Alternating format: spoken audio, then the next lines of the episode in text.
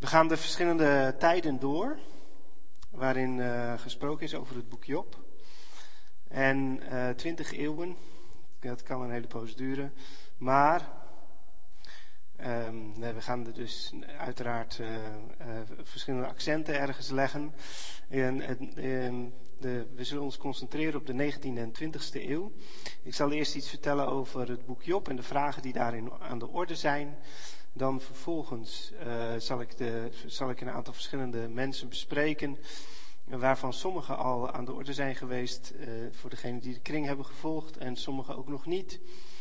Um, en wie weet zal tussendoor ook nog Constant Constantius um, voor ons op de piano spelen. Die is hier te gast vanavond. Eerst iets over uh, het boek Job. Er is uh, in um, recent bij uh, uitgeverij Atheneum Polak en Van Gennep werd een boekje uitgebracht met het mooiste uit de Bijbel. Um, en dat is een uitgave bedoeld voor mensen die geen kerkganger zijn natuurlijk, maar die wel iets van de Bijbel willen weten, omdat dat tot de wereldliteratuur behoort dan in hun ogen. En het mooiste uit de Bijbel, wat zet je er dan in? Nou, eh, in die uitgave staan vijf Bijbelboeken in zijn geheel. Uh, dus geen fragmenten van alle boeken of zo, maar vijf Bijbelboeken en één daarvan is het boek Job. En uh, dat heeft wel iets te zeggen, denk ik. Het boek Job is in ieder geval voor mensen binnen en buiten de kerk nog steeds een ontzettend belangrijk geschrift als het gaat om een vraag waar we allemaal mee zitten, namelijk de vraag naar het lijden. Waarom is er kwaad? Waarom is er lijden? Eh, terwijl uh, wij dat toch eigenlijk uh, niet willen. Natuurlijk is er ook kwaad dat wij wel willen en dat wij ook doen. Maar als we met name denken aan nou, wat ons bijvoorbeeld nu ook overkomt met corona, dat is eigenlijk iets wat niemand wil. En zo is er ook wel heel veel kwaad, wat eigenlijk misschien niemand wil. Uh, en uh, je hoeft daar ook helemaal niet gelovig voor te zijn om daar een keer bij stil te staan en over na te denken. En in het boek Job uh, wordt daar op een zeer diepgaande manier over nagedacht. Um, wij, als wij de Bijbel lezen, dan volgen we daarmee de volgorde van de Septuagint. En um, de Septuagint, um, dat is een Joodse Griekse vertaling uh, van het Oude Testament. Maar daarin hebben ze de volgorde van de boeken zoals die oorspronkelijk was in de Hebreeuwse Bijbel veranderd. In de Hebreeuwse Bijbel uh, bestaat het Oude Testament uit drie delen. Uh, de wet, de Torah, de profeten en de geschriften. En dan hoort het boek Job bij de geschriften. Um, in de wet geeft God zijn woord. Uh, zijn, zijn gebod, maar niet alleen zijn gebod. Hij openbaart zich, hij gaat met ons om en daarmee doet hij ook een beroep op ons om daarop te antwoorden. Um, maar de wet vertelt ook al uh, dat dat misgaat in die verhouding, in dat verbond, wat daarmee gesticht wordt. En dan komen als het ware de profeten die het woord van God nog een keer herhalen. Um, en uh, die wijzen op het falen, um, dus die wijzen op de zonde en het gebod herhalen. Um, en dan uh, gebeurt in de geschriften, waar bijvoorbeeld de psalmen bij horen en, uh, en andere boeken, zoals ook het boek Job, in die geschriften wordt dan eigenlijk antwoord gegeven op datgene wat het volk Israël heeft ervaren. Um, dus niet zoals in de wet en in de profeten, dat je kunt zeggen, zo zegt de Heer. Uh, nee, de geschriften zijn veel meer, nou, zo zegt de mens, zo zegt de gelovige mens, zo antwoordt hij op wat hij gehoord heeft. En in die geschrift is dus ook meer ruimte, zou je kunnen zeggen, voor verschillende visies. Um, dan in de wet of in de profeten het geval is. Uh, in de geschriften zijn de mensen ook over het nadenken over God. Um, en spreken dus verschillende geschriften soms zelfs ook elkaar tegen. Ehm, dat heeft vanaf het begin in de Bijbel gekund. Ehm, dat heeft men kunnen toelaten, omdat men geweten heeft dat, ja, dat het woord van God dus een gemeenschap schept. Ehm, die gaat nadenken. En toch is dat op een of andere manier zelf ook weer woord van God. ook ons spreken, ons nadenken, in ieder geval dat vroegste wat toen heeft plaatsgevonden, is ook al iets waarvan God door het op te nemen in de kanon als het ware zegt, zo wil ik dat ook. En zo zie je vooral in de wijsheidsboeken dat daar uh, over Gods omgang met de wereld eigenlijk verschillend gedacht wordt. In de oudere wijsheid, die in het boek Spreuken verwoord wordt, uh, is de gedachte heel sterk dat de wereld redelijk en logisch en begrijpelijk in elkaar zit. Uh, de manier waarop dat verteld wordt is bijvoorbeeld Ehm, door te zeggen dat het eerste dat God schiep, nog voordat hij het zichtbare schiep, uh, de wijsheid was. In eh, Spreuken 8 wordt dat verteld. Dus voordat God de wereld, de kosmos, het zichtbare schiep, schiep hij de wijsheid.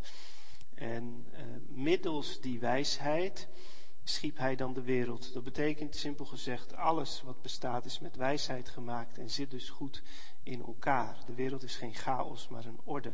En dat kunnen wij ook inzien. En dat betekent, die orde betekent niet alleen bijvoorbeeld de wet van de zwaartekracht, dat die het altijd doet, maar die geldt ook moreel in de wereld van de mensen volgens, uh, volgens die oude wijsheid.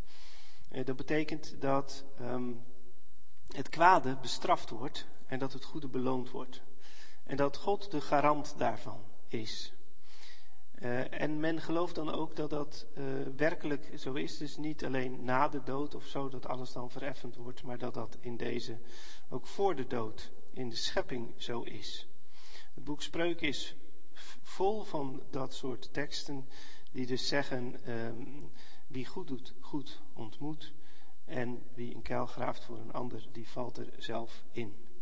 er gebeurt wel kwaad, maar dat straft uiteindelijk zichzelf, dat wordt gestraft.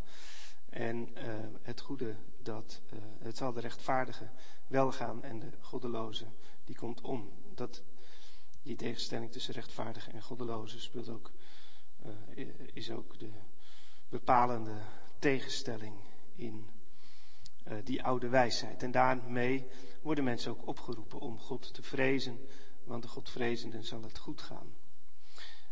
maar tegen die oude wijsheid zie je dan dat in de Bijbel zelf eigenlijk al um, protest komt. En een van die protesten uh, is dan het boek Job. Het boek Job is eigenlijk dus een reactie binnen de Bijbel zelf op het idee dat deze wereld begrijpelijk en goed in elkaar zit. Um, en dat wordt dan geïllustreerd eigenlijk aan de persoon van Job, die godvrezend was. Um, en die het inderdaad ook wel ging, maar die dan alles uh, kwijtraakt op een volkomen onbegrijpelijke manier. Um, en zijn vrienden proberen die oude wijsheid eigenlijk in stand te houden. Die zeggen, uh, ja, maar de theologie, de theorie gaat voor de praktijk. Dus ook al snappen wij de praktijk even niet, de theorie moet kloppen. En Job zegt eigenlijk, uh, uh, mijn situatie laat zien dat jullie hele theorie, dat die hele theorie van die oude wijsheid niet klopt. Um, is dat dan een historisch verhaal? Um, door wie is dat geschreven? Nou, dat is eigenlijk niet zo. Um, dus, daar is in de Bijbel vaak niet iets met zekerheid over te zeggen. Um, er zijn mensen die proberen te verdedigen dat Job een historische persoon geweest is. En die situeren dat dan meestal in de tijd van de aartsvaders. In Ezekiel 14 wordt ook nog ene Job genoemd. Um, maar uh, uh, als je kijkt gewoon, en dat kun je denk ik als argeloze bijbellezer ook zien. Uh, als je kijkt hoe de dialogen zijn opgebouwd in het boek Job, dan zie je dat je daar eigenlijk toch met een literair kunstwerk te maken hebt. Um, En dat we toch veel meer inderdaad moeten denken aan iemand die deel heeft uitgemaakt van die latere wijsheid. En die heel veel discussie hierin, als het ware, op een literaire manier heeft samengevat.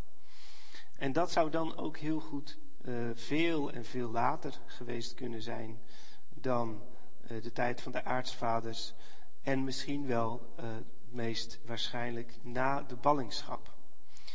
Um, en dat laat dan ook misschien meteen zien hoe we de figuur van Job zouden kunnen interpreteren. Um, want wat is er in de ballingschap eigenlijk met het volk Israël gebeurd? In de ballingschap is het volk Israël als volk uh, alles kwijtgeraakt. Al zijn bezittingen, um, maar ook, zou je kunnen zeggen, uh, zijn eigen kinderen. Zoals Job zijn eigen kinderen verliest. Zo verloor Israël zijn kinderen, zijn toekomst, uh, als strijders in de oorlog. Maar kind is natuurlijk ook een symbool voor je toekomst. En Israël verloor zijn toekomst toen zij zelf en de kinderen in ballingschap werden gevoerd. Maar Israël kreeg na die ballingschap als het ware uh, alles ook weer dubbel terug van God. Dubbel in de zin van uh, ja, de grote verrassing die dat was.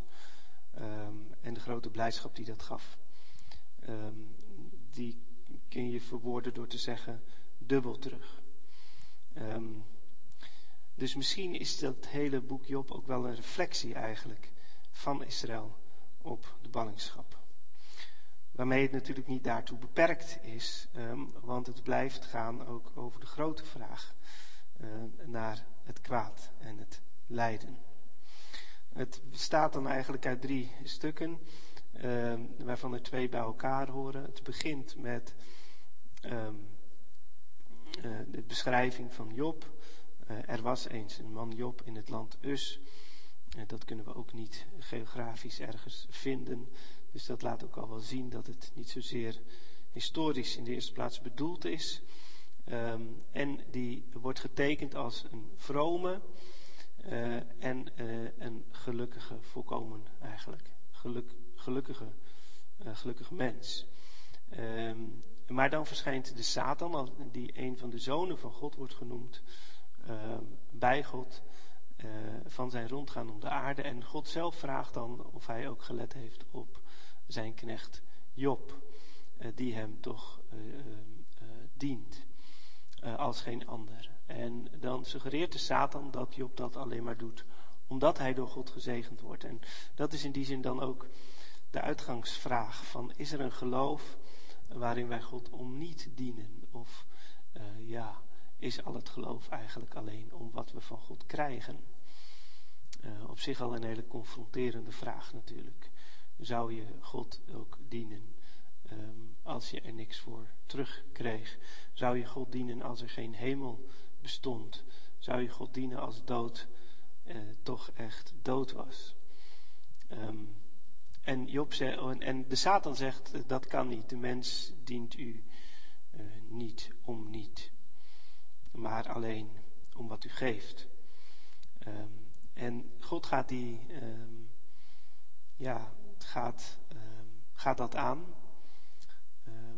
dat duel met de Satan over het hoofd van Job zou je kunnen zeggen.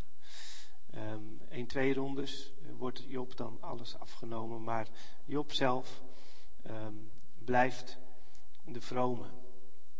Uh, hij zegt, de Heer heeft gegeven, de Heer heeft genomen, de naam van de Heer is hij geloofd. En tegen zijn vrouw zegt hij, zouden wij het uh, goede wel uit Gods hand aannemen en het kwade niet. Um, dat is het eerste deel. En dan, uh, daarbij sluit eigenlijk meteen het slot aan. Het slot zegt dan dat Job alles dubbel terugkreeg. Um, dat, dat begin en eind van het boek Job is in proza geschreven. Uh, en uh, je kunt al die hoofdstukken die ertussen liggen gewoon overslaan. Dan is het nog een aansluitend verhaal. Um, en veel wetenschappers zeggen dat dat het oorspronkelijke verhaal is geweest. Um, um, een, een, een, legende waarin dus gezegd wordt, uh, de, de vrome, die, die kreeg uiteindelijk alles terug. En op die manier kan het eigenlijk een verhaal zijn geweest dat juist de oude wijsheid toch ondersteunt. Want op die manier vertelt het kaderverhaal eigenlijk van kijk, het klopt uiteindelijk toch. Wie goed doet, goed ontmoet. De goddeloze vergaan en de rechtvaardige wordt beloond. Ehm, wie maar in het lijden vasthoudt aan God, wordt uiteindelijk beloond. En dan zou het kaderverhaal dus de oude wijsheid juist redden. Uh, en dan is het merkwaardige dat tussen dat begin en eind, dat in proza geschreven is, uh, al die dialogen geschreven zijn die in poëzie geschreven zijn. Uh, en die daarmee al suggereren dat ze van een andere hand zijn.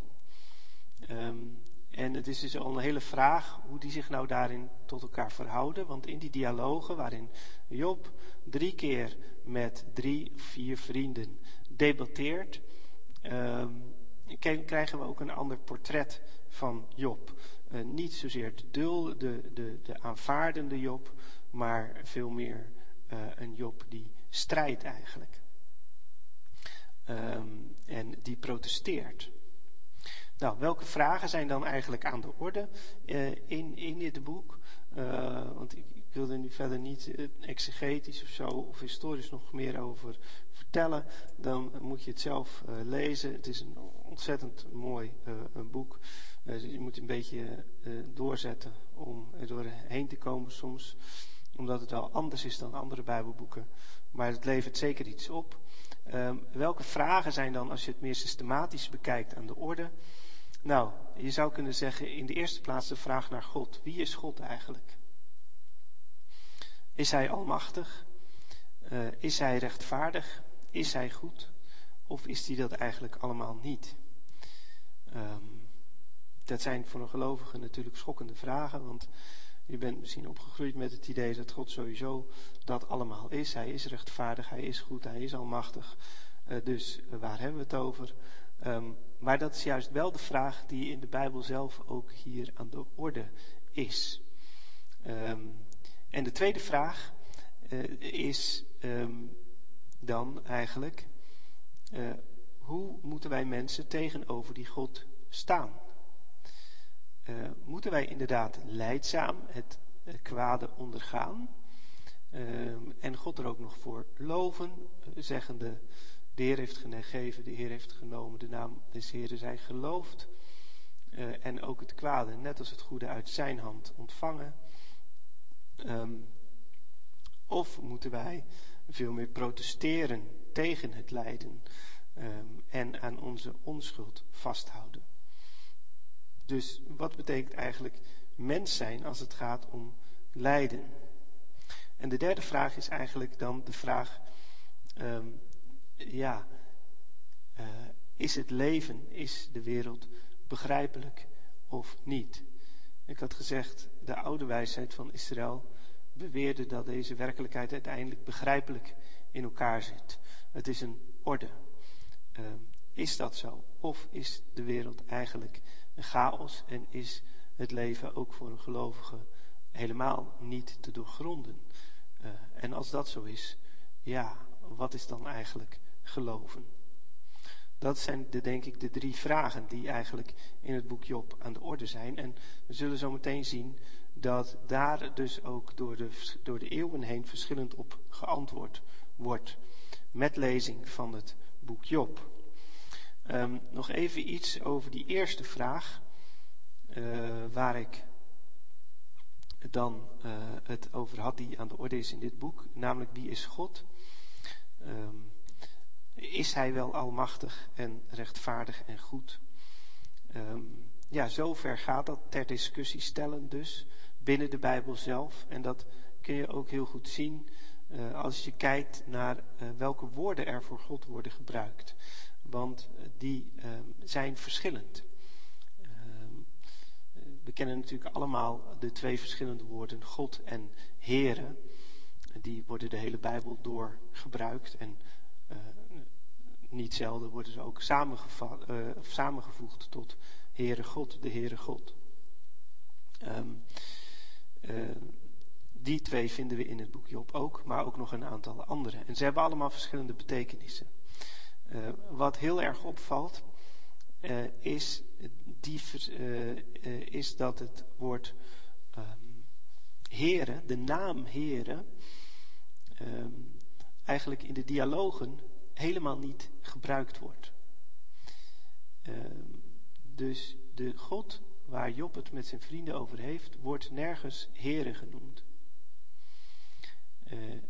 En dan uh, zijn al die discussies afgelopen in hoofdstuk 37 en dan in hoofdstuk 38 vers 1 staat er ineens, de Heere antwoordde Job uit een storm.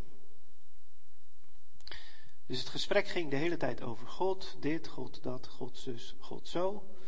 Is God zus, is God zo? En dan staat er, de Heere antwoordde. Als je dat nou heel kritisch, sceptisch wilt lezen, um, dan kun je zeggen, degene die Job ter verantwoording heeft gevraagd, is helemaal niet degene die geantwoord heeft. Job vraagt in die dialogen de hele tijd of God wil verschijnen en hem wil antwoorden. Maar degene die hem antwoordt uiteindelijk wordt niet God genoemd, maar de Heer. Wij zijn er natuurlijk als Bijbellezers denk ik heel erg aan gewend dat we sowieso, dat we meteen zeggen dat die twee dezelfde zijn. En de Bijbel zelf zegt dat natuurlijk ook, uh, door heel vaak dat samen te voegen en te zeggen de Heere God. Maar we moeten goed zien dat van oorsprong er toch twee heel verschillende aanduidingen zijn. Uh, het woord Heere duidt op de verbondsgod. De naam wordt geopenbaard aan Mozes bij de brandende braambos. Uh, en daar, uh, daar, dan betekent die naam eigenlijk, ik ben de God van het verbond. Uh, de God van die jullie het woord geeft, de wet, en die jullie bevrijder is. De God van het volk Israël. die trouw is en trouw blijft. De betrouwbare. Dat betekent Heren.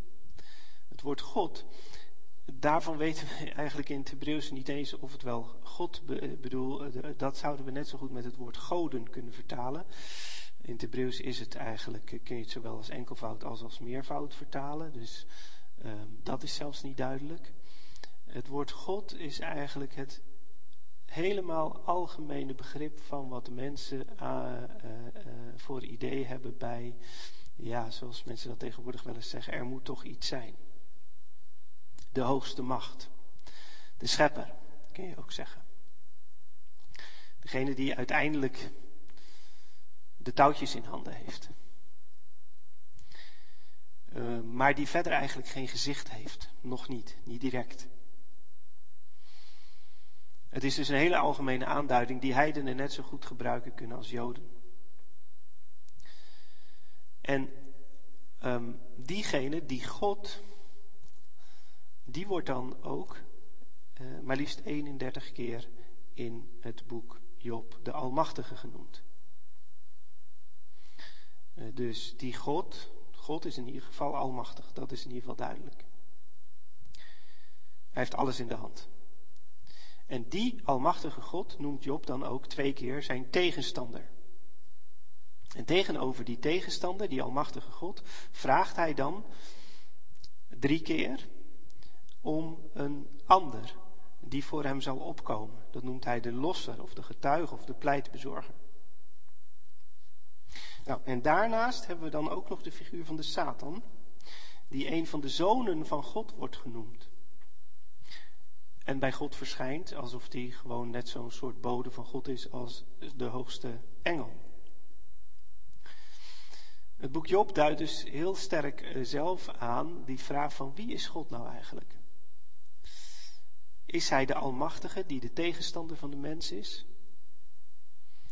Uh, is hij zelfs vriendjes met de Satan?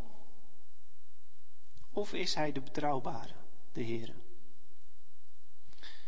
Uh, is degene die uiteindelijk Job geantwoord heeft wel dezelfde als waar het het hele boek over ging? Het zou natuurlijk dramatisch zijn om te moeten constateren dat dat niet zo is. Want dan heb je, heeft Job in, op geen enkele manier antwoord gekregen op zijn vragen. We zullen zien dat daar ook door de verschillende schrijvers door de eeuwen heen verschillend over gedacht wordt. We gaan nu dus naar de receptiegeschiedenis. Hoe is het boek Job door de eeuwen heen eigenlijk uh, ontvangen en verwerkt? Nou, het begint eigenlijk, dat begint natuurlijk al in het Nieuwe Testament. Er is maar één tekst in het Nieuwe Testament uh, die heel letterlijk naar Job verwijst en dat is Jacobus 5 vers 11. In dat gedeelte gaat het, uh, vermaant de apostel Jacobus de christenen om geduldig te zijn, om niet te klagen, ook niet als lijden hen overkomt. En in die context uh, functioneert Job dan als voorbeeld. Daar staat, ehm, zie wij prijzen hen gelukzalig die volharden. U hebt gehoord van de volharding van Job en u hebt de uitkomst van de Heere gezien, dat de Heere vol ontferming is en barmhartig. Ehm, Job wordt hier dus gezien als de geduldige, de volhardende en daarin de christenen ten voorbeeld gesteld. Um, wees net zo geduldig als Job. Dan zal God uiteindelijk zich over je ontfermen. Um, die uh, interpretatie, die, die vind je eigenlijk uh, dan helemaal doorlopend tot en met de middeleeuwen. Niet alleen aan christelijke kant, maar ook aan Joodse kant. Er is bijvoorbeeld ook een geschrift, dat heet het Testament van Job. Dat is van iets later dan de brief van Jacobus, niet zoveel, ook de eerste eeuw na Christus.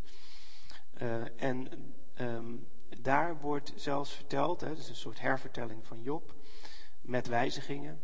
En daar wordt zelfs verteld dat Job eigenlijk niet meer tegen God rebelleert, in opstand is, maar dat hij zich schikt. Uh, en um, dat, um, uh, dat boekje, het Testament van Job, heeft dus ook de functie om de lezers te leren het geduld te bewaren in het lijden. Je zou kunnen zeggen dat, dat dus eigenlijk die dialogen die het grootste deel van het boek vormen, waarin juist een opstandige Job aanwezig is, uh, dus van meet af aan niet domineren in de receptie, de verwerking, maar juist um, ja, het kaderverhaal. Uh, dat komt eigenlijk tot een soort hoogtepunt in, um, in de vroege kerk, de middeleeuwen. Um, in een heel belangrijk geschrift, wat voor eeuwenlang bepalend is geweest voor hoe het boek Job werd uitgelegd. En dat is van Gregorius de Grote, um, die een uh, heel lang uh, uitleg heeft geschreven van, uh, van het boek Job. Um, en Gregorius schreef dat als abt van een Benedictijns klooster aan het einde van de, van de zesde eeuw. en ja, ook wel iets van de spiritualiteit van de monniken klinkt daarin door.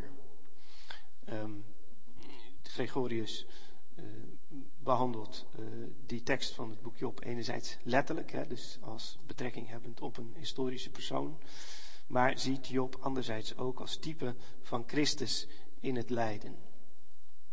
Um, en daarbij ziet hij dan, uh, heel kenmerkend, het lijden, um, ja, als iets dat op zichzelf natuurlijk niet uh, kwaad is, maar dat het toch een positieve functie heeft.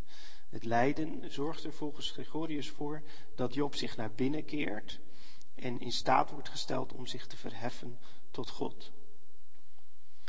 Um, hij bekijkt de dingen die niet meer in het licht van de tijd, maar van de eeuwigheid.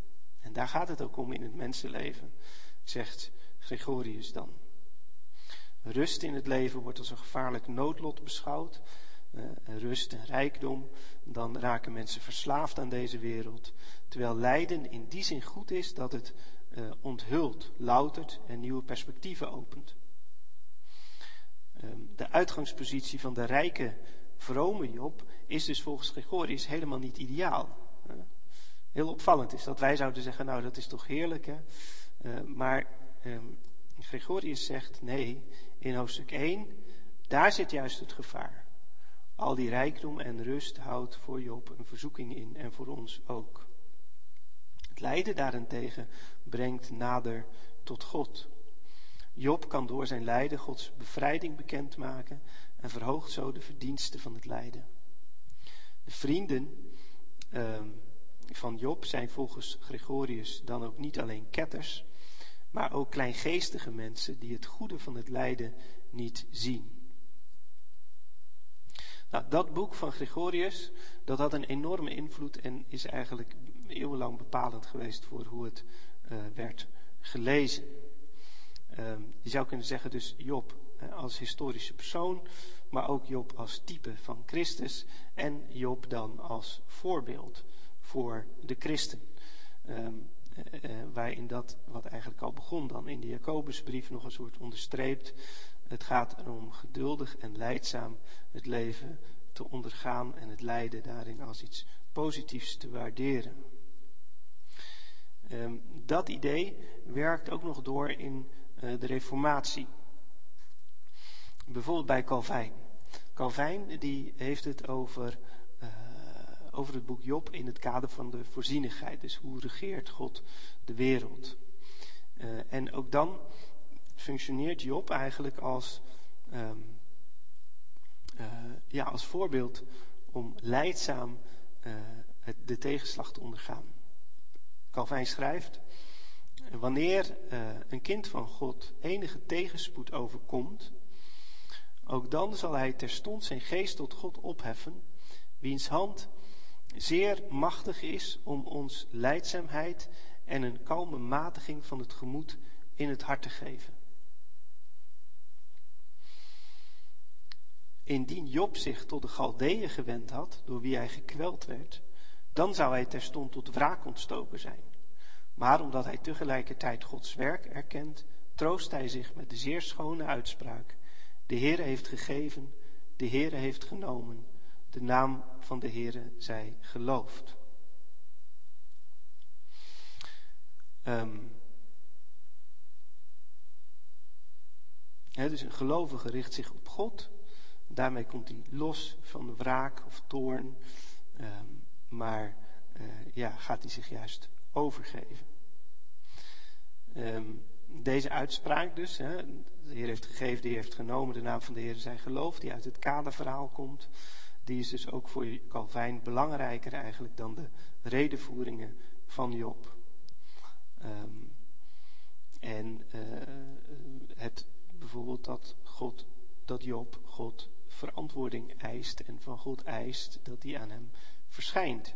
Dat speelt eigenlijk uh, helemaal geen rol. Verder zien we bij Calvijn ook dat, um, dat hij duidelijk uh, zegt dat God de eigenlijke bewerker is van de beproeving van Job. En dat de Satan niet meer is dan Gods dienaar. De Satan kan niets doen zonder de wil en de toestemming van God. En uh, ja, van daaruit kun je natuurlijk die oproep om geduldig en leidzaam te zijn nog sterker maken. Want uiteindelijk vecht je ook niet tegen de Satan, maar heb je ook met God te maken. En wat kun je tegenover God anders doen dan je aan Hem um, vroom onderwerpen? Um, het is opvallend om te zien dat bij Luther het iets anders is. Um, Luther is voor, iets voor Calvijn, maar je zou kunnen zeggen dat bij Luther voor het eerst toch een soort doorbraak plaatsvindt ten opzichte van dat dominante beeld van de middeleeuwen en de vroege kerk. Um, Luther schrijft in een voorrede op het boek Job. Uh, Luther heeft de Bijbel vertaald en op al die Bijbelboeken ook een soort uh, voorwoord geschreven. En dan schrijft hij: Het is tot onze troost geschreven dat Job, voordat hij in doodsangst komt, God looft voor de roof van zijn goederen en de dood van zijn kinderen. Maar als de dood hem voor ogen staat en God zich terugtrekt, geven zijn woorden aan wat voor gedachten een mens tegenover God in doodsangst kan hebben. Hij zij nog zo heilig als hij wil. Hij denkt dan dat God niet God is, maar alleen nog rechter en een toornende tiran, die geweld gebruikt en niet vraagt naar iemands goede leven. Dit is het grootste in dit boek en dat verstaan alleen degenen die ook ervaren en voelen wat het is om Gods toorn en oordeel te ondergaan en hoe het is als Gods genade verborgen is. Tot zover uh, Luther. Daarin valt dus op dat Luther wel heel goed ook de dialogen heeft gezien. Uh, en uh, wat daar met Job gebeurt. wat die, hoe Job daar tekeer gaat. En ehm, wat er dan in die doodsangst met hem gebeurt. Luther heeft niet alleen aandacht voor de geduldige, leidzame Job. Ehm, maar die zegt, ja, dat was Job voordat hij in doodsangst kwam. Maar in zijn doodsangst, in de dialogen, zegt Job iets anders. En dat heeft ook betekenis. Positieve betekenis zelfs. Uh, dus niet alleen het leidzame heeft positieve betekenis, ook um, het, um, ja, het strijden met God, waarin je God niet eens meer als God ervaart, is positief. de mens kan ook echt ervaren dat God niet God is. Dat God uh, niet meer herkenbaar is als God. Dat is in de rest van de theologie van Luther ook heel belangrijk. Uh, hij schrijft zelfs ergens: Je kunt God niet uh, tot God hebben als je hem niet eerst als Satan hebt gehad. Um, dat gaat heel ver. Um, maar dat betekent dus dat um, de aanvechting uh, en de strijd met God uh, eigenlijk voor Luther wezenlijk voor het geloof is. Um,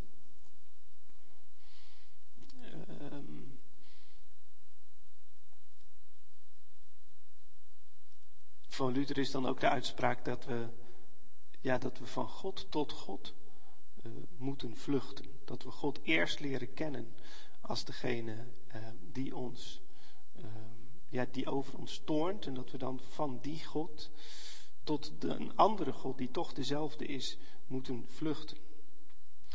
Um,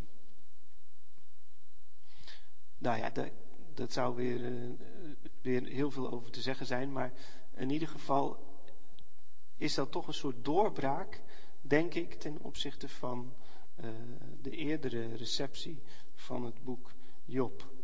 Um, en gaat Calvijn in die zin weer meer terug uh, achter Luther naar de dominante middeleeuwse traditie. Tot zover uh, dit. We zijn nu al een heel eind. Ik denk dat het wel kan dat. Ik hoop dat iedereen me nog steeds hoort. Ik zit hier in een donkere kerk. Dat is op zich al heel merkwaardig. Um, ik denk dat het nu tijd wordt voor een klein muzikaal intermezzo van Constant Constantius.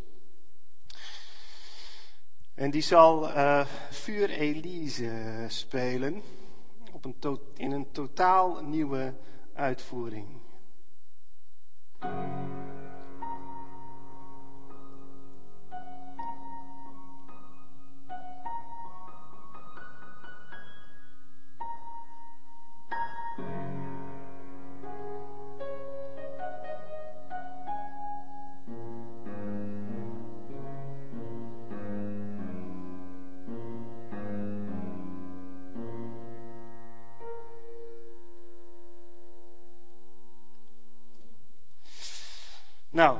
Constant Constantius, die is een beetje verlegen, maar toch bedankt dat hij dat even heeft willen doen. Dan uh, zijn de geesten nu weer rijp voor het vervolg van de receptie van Job. Uh, want we zijn nu pas bij de 19e eeuw. Tenminste, nog niet eigenlijk. We zijn eigenlijk natuurlijk bij de 16e eeuw. Maar nu ga ik iets sneller er doorheen. Um, we slaan een paar eeuwen over en dan komen we uh, tot de 19e eeuw. Um, uh, ongeveer. We belanden dan dus in de moderne tijd.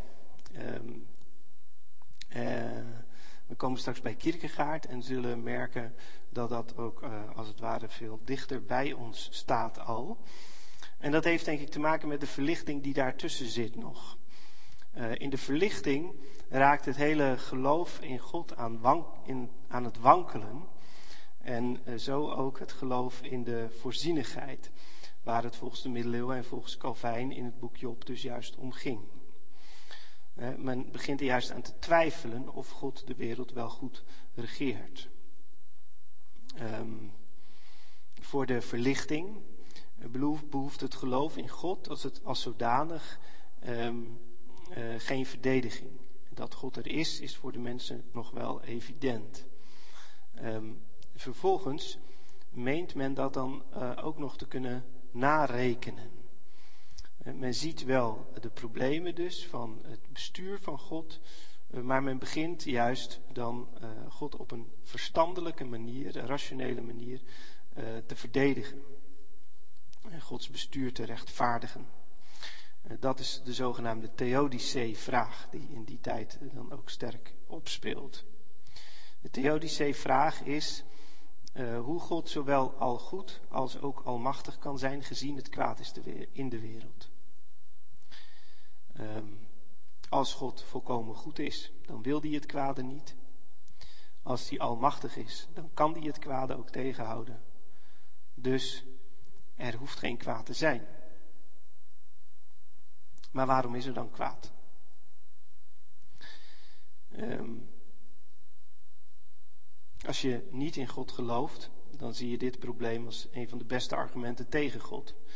De klassieke filosoof, Griekse filosoof Epicurus, die heeft deze theodische vraag al op deze manier gesteld en die concludeerde daaruit dat God niet kan bestaan. Um, of hij is niet goed of hij is niet almachtig. Ehm, maar God die zowel goed als almachtig is, kan niet bestaan. Ehm, als je wel in God gelooft, dan kun je natuurlijk twee dingen doen. Je kunt proberen dat probleem op te lossen.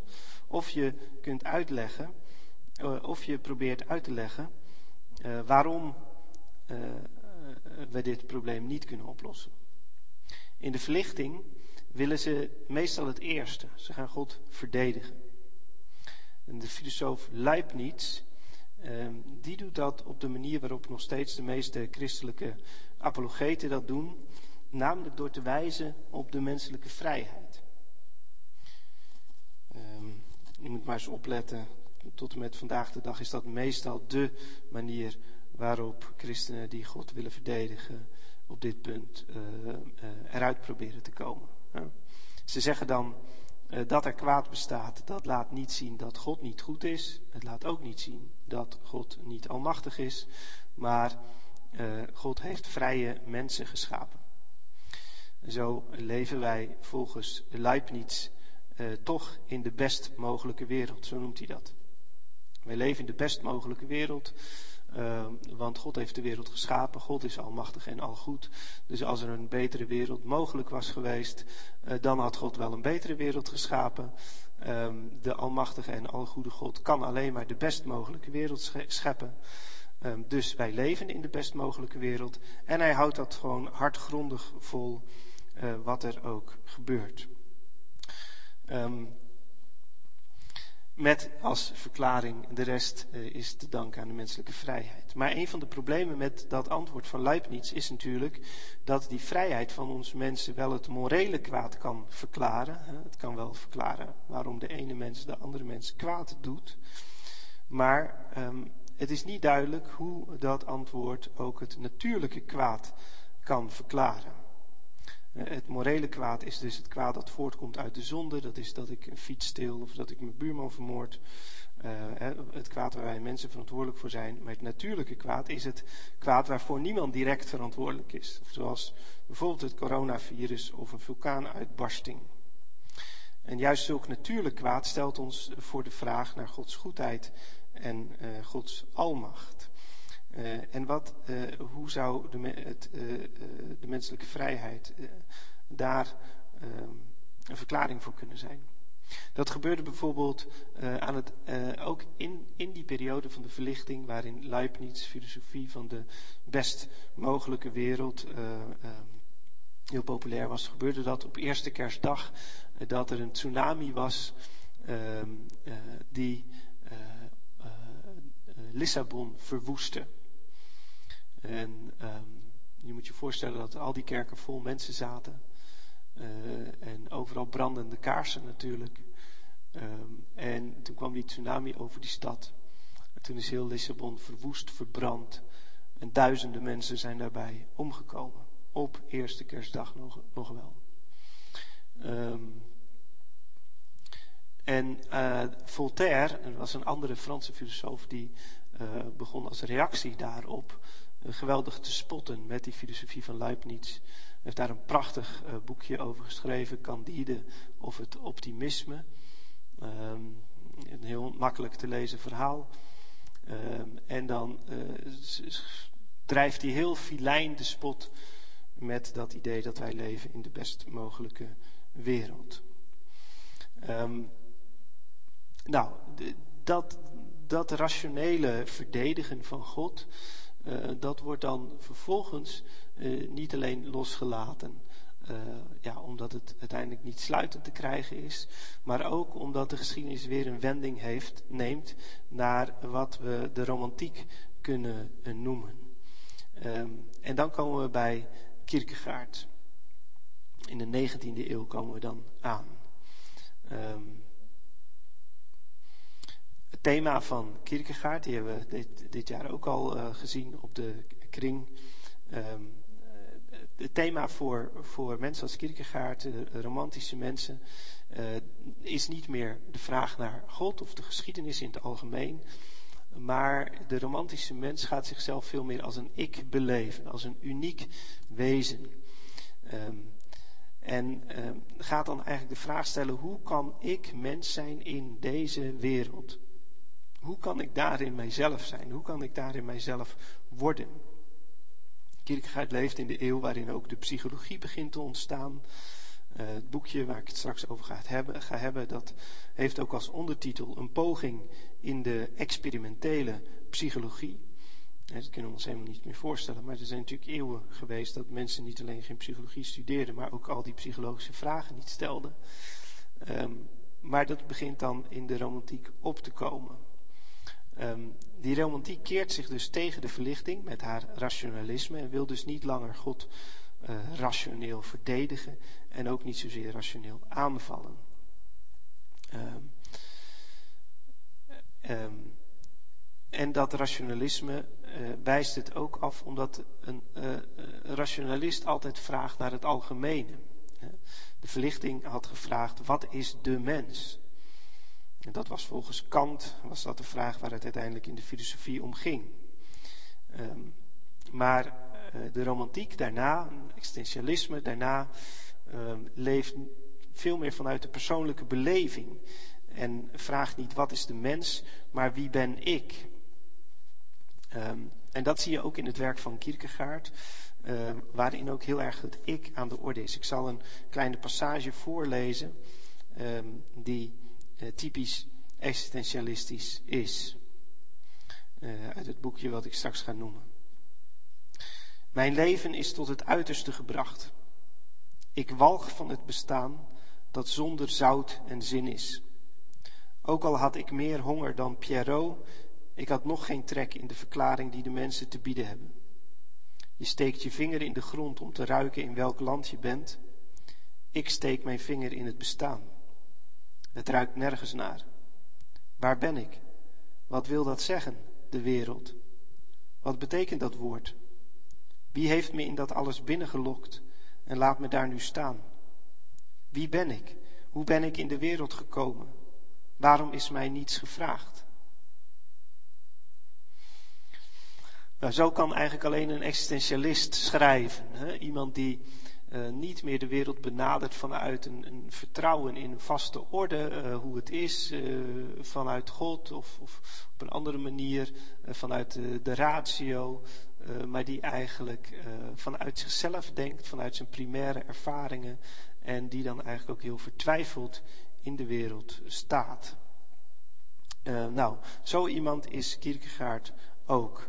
Uh, hij vreest de rationele, technische, uh, abstracte kijk op de wereld en de mens. Maar gaat als, als een ik uh, opnieuw wel weer die vragen stellen. hij vraagt zich dus af, wat betekent het om, voor mij om mens te zijn? En dan ontdekt hij dat, je, dat mensen op drie manieren zichzelf proberen te zijn of te worden. hij, dat noemt hij esthetische mensen, ethische mensen en religieuze mensen.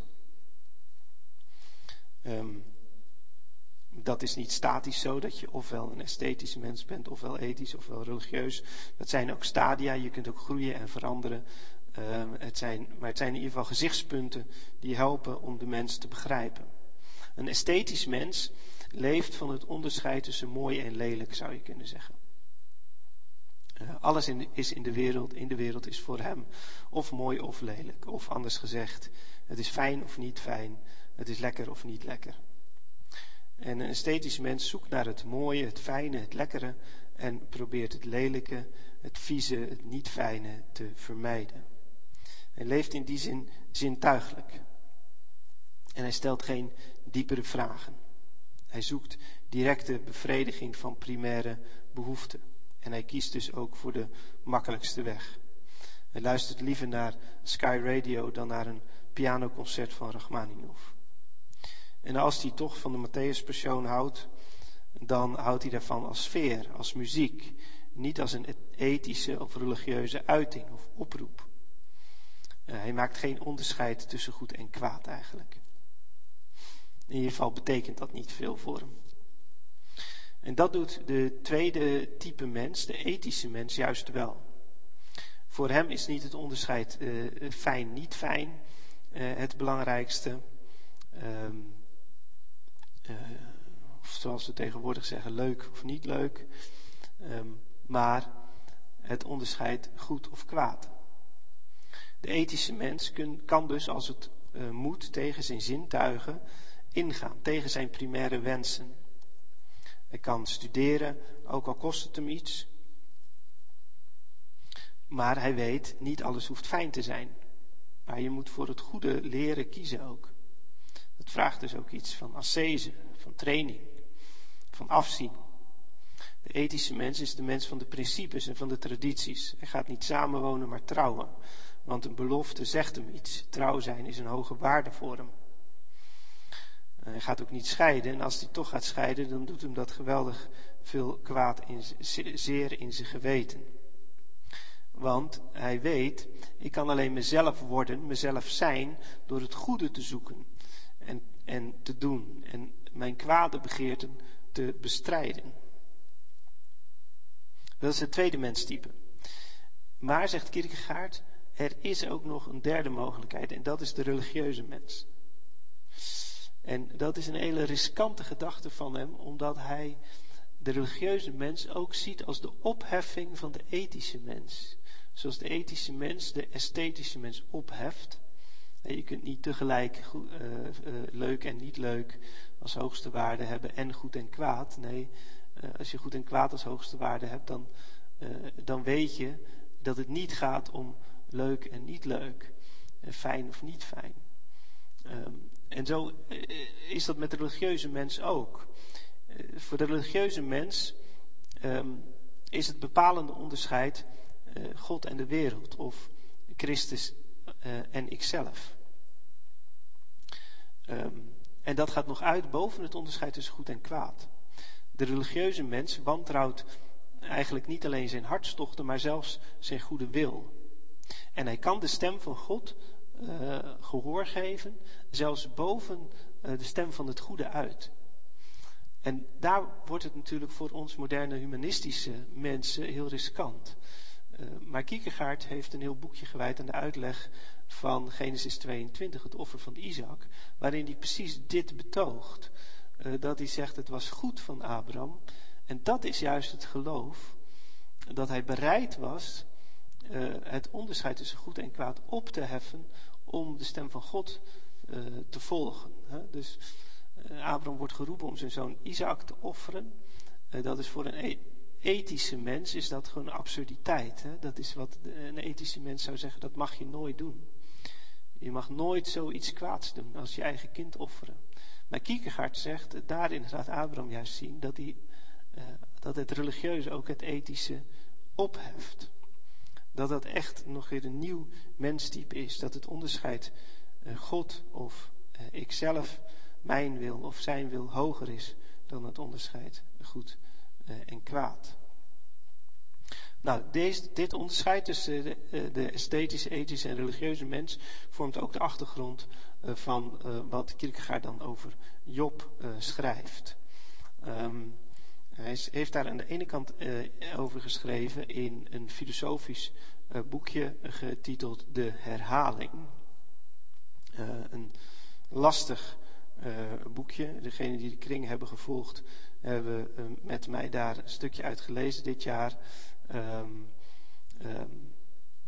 een lastig boekje, maar het citaat aan de andere kant, wat ik net voorlas, um, over ik steek mijn vinger in het bestaan, het ruikt nergens naar. Um, dat hele literaire en direct aansprekende taal, dat komt ook daaruit. Dus dat is het ook. Maar als geheel is het niet eenvoudig te begrijpen, maar gaat het ongeveer hierover. Het gaat over ene constant Constantius. Um, toevallig dezelfde naam als degene die vanavond piano speelt. En dat is een esthetisch mens.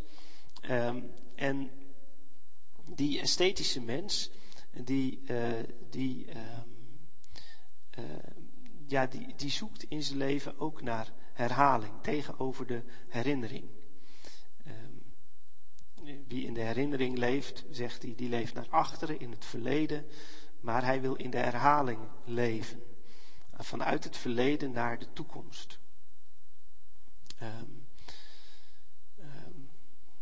dus leven in de herhaling is iets anders dan leven in, in vroeger.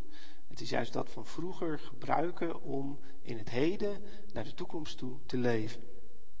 Maar die Constantius die ontdekt dan ook dat die herhaling niet kan. Want die keert terug naar Berlijn waar die vroeger is geweest en dan merkt hij dat alles anders is geworden. Eh, zijn zintuigen beleven heel andere dingen.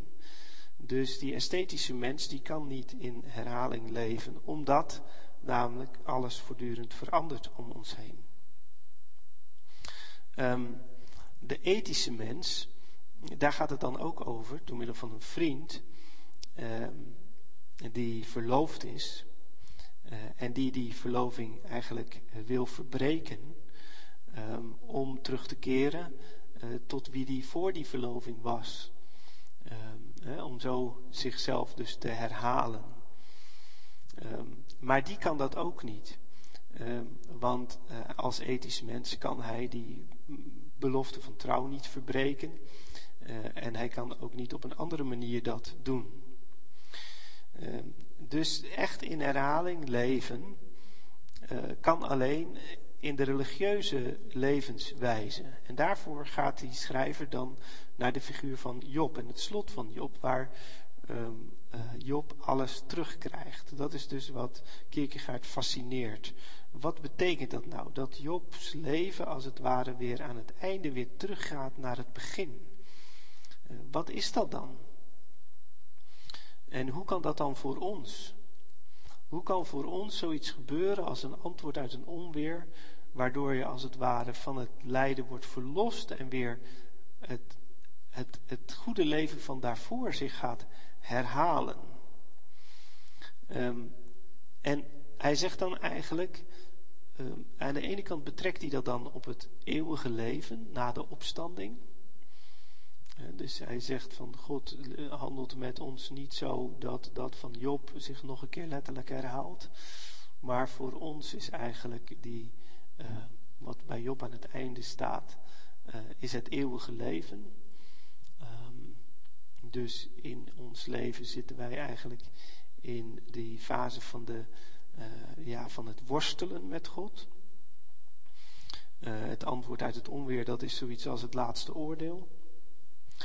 Um, maar het eeuwige leven mogen we geloven als een soort, ja, soort herhaling van um, van ons oorspronkelijke geluk. Maar hij zegt tegelijk dat, die, dat iets van die herhaling ook plaatsvindt waar in het heden al uh, de eeuwigheid de tijd, uh, de eeuwigheid de tijd raakt. Waarin het leven een besef van eeuwigheid uh, doordringt. Alsof je leven verdubbeld wordt, zegt hij dan eigenlijk. Alsof je dan twee levens leidt. Eén hier in de tijd en één in de eeuwigheid. Uh, dan zijn er momenten waarin je niet vervreemd bent van jezelf. En dat zijn eigenlijk de momenten van wat hij uh, herhaling noemt. Zonder die momenten dan wordt het leven eigenlijk vluchtig.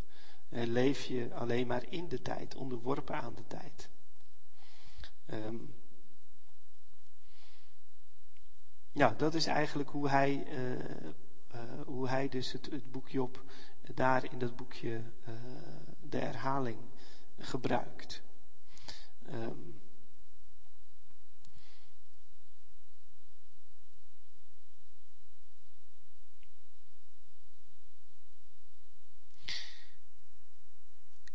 Maar dat is niet de enige manier. Um, in, in, die, in, dit boekje, uh, de, herhaling. Uh, het, uh, heeft Kierkegaard het dus eh, heel sterk ook wel over het, het positieve van Jobs protest. Ehm, dus daarin is hij ja, duidelijk niet meer zoals in de middeleeuwen, waarin men eigenlijk alleen het dulden en lijdzame van Job als positief kon zien. Um, Kierkegaard is zelf een Lutheraan. En net als Luther zelf zal hij ook veel meer het uh, worstelen met God, het protest als iets positiefs waarderen. En dat schrijft hij ook letterlijk in dit boekje. Um, hij schrijft, ik zal het even voorlezen. Um, het grootste in Job eh, het grootste in Job is daarom zelfs niet dat hij zei: De Heer heeft gegeven, de Heer heeft genomen, de naam des Heeren zij geprezen. Wat hij eerst ook zei en later niet herhaalde. Maar Jobs betekenis is dat de schermutselingen met het geloof in hem uitgevochten zijn. Dat die vreselijke opstandigheid van de wilde, strijdlustige krachten hier is voorgesteld. dus Job is juist daarin een voorbeeld dat uh, ja, dat, uh, dat alles wat er aan krachten in een gelovige naar voren kan komen, uh, dat dat in hem openbaar komt. En dat komt juist natuurlijk in, eh, in de dialogen eigenlijk met de vrienden en in het eh, zich beroepen op God, tegen God naar voren. Um, maar zoals gezegd, dat is niet de enige manier waarop uh, Kierkegaard ernaar kan kijken. Want Kierkegaard heeft ook heel andere teksten geschreven. En dat zijn zogenaamde opbouwende toespraken of preken. En een daarvan gaat juist wel over die tekst die, waarvan hij net zei. Dat is niet waar het, uh, ten zeer, waar het, uh, waar het het allermeest om gaat. Namelijk uh, die tekst, de Heer heeft gegeven, de Heer heeft genomen, de naam des Heeren zij geloofd. die tekst waren dus volgens de herhaling eigenlijk niet het allermeest om gaat. Daar heeft hij wel zo'n soort van preek bij geschreven. En daarin tekent hij Job als leraar van de mensheid en gids. Um, die door zijn levenswijze uh, als het ware ons voorbeeld is. Um, maar, zegt hij, dan moeten we niet verwaand zijn of weekhartig, want dan kunnen wij niks met Job uh, uh, beginnen. We moeten zelf ook de verzoeking kennen Alleen dan kunnen we Job vertolken. Nou, dat lazen we dus ook in de herhaling. Alleen hij gaat dan hier zeggen dat dat ook wel iets betekent over dat je dan um, ja, ook kunt zeggen: de Heer heeft gegeven, de Heer heeft genomen. Um, maar hij leest die dan niet meer uh, als pure berusting, zoals dat vaak in de traditie is gebeurd. Zoals we zagen dat het ook bij Calvijn het geval is.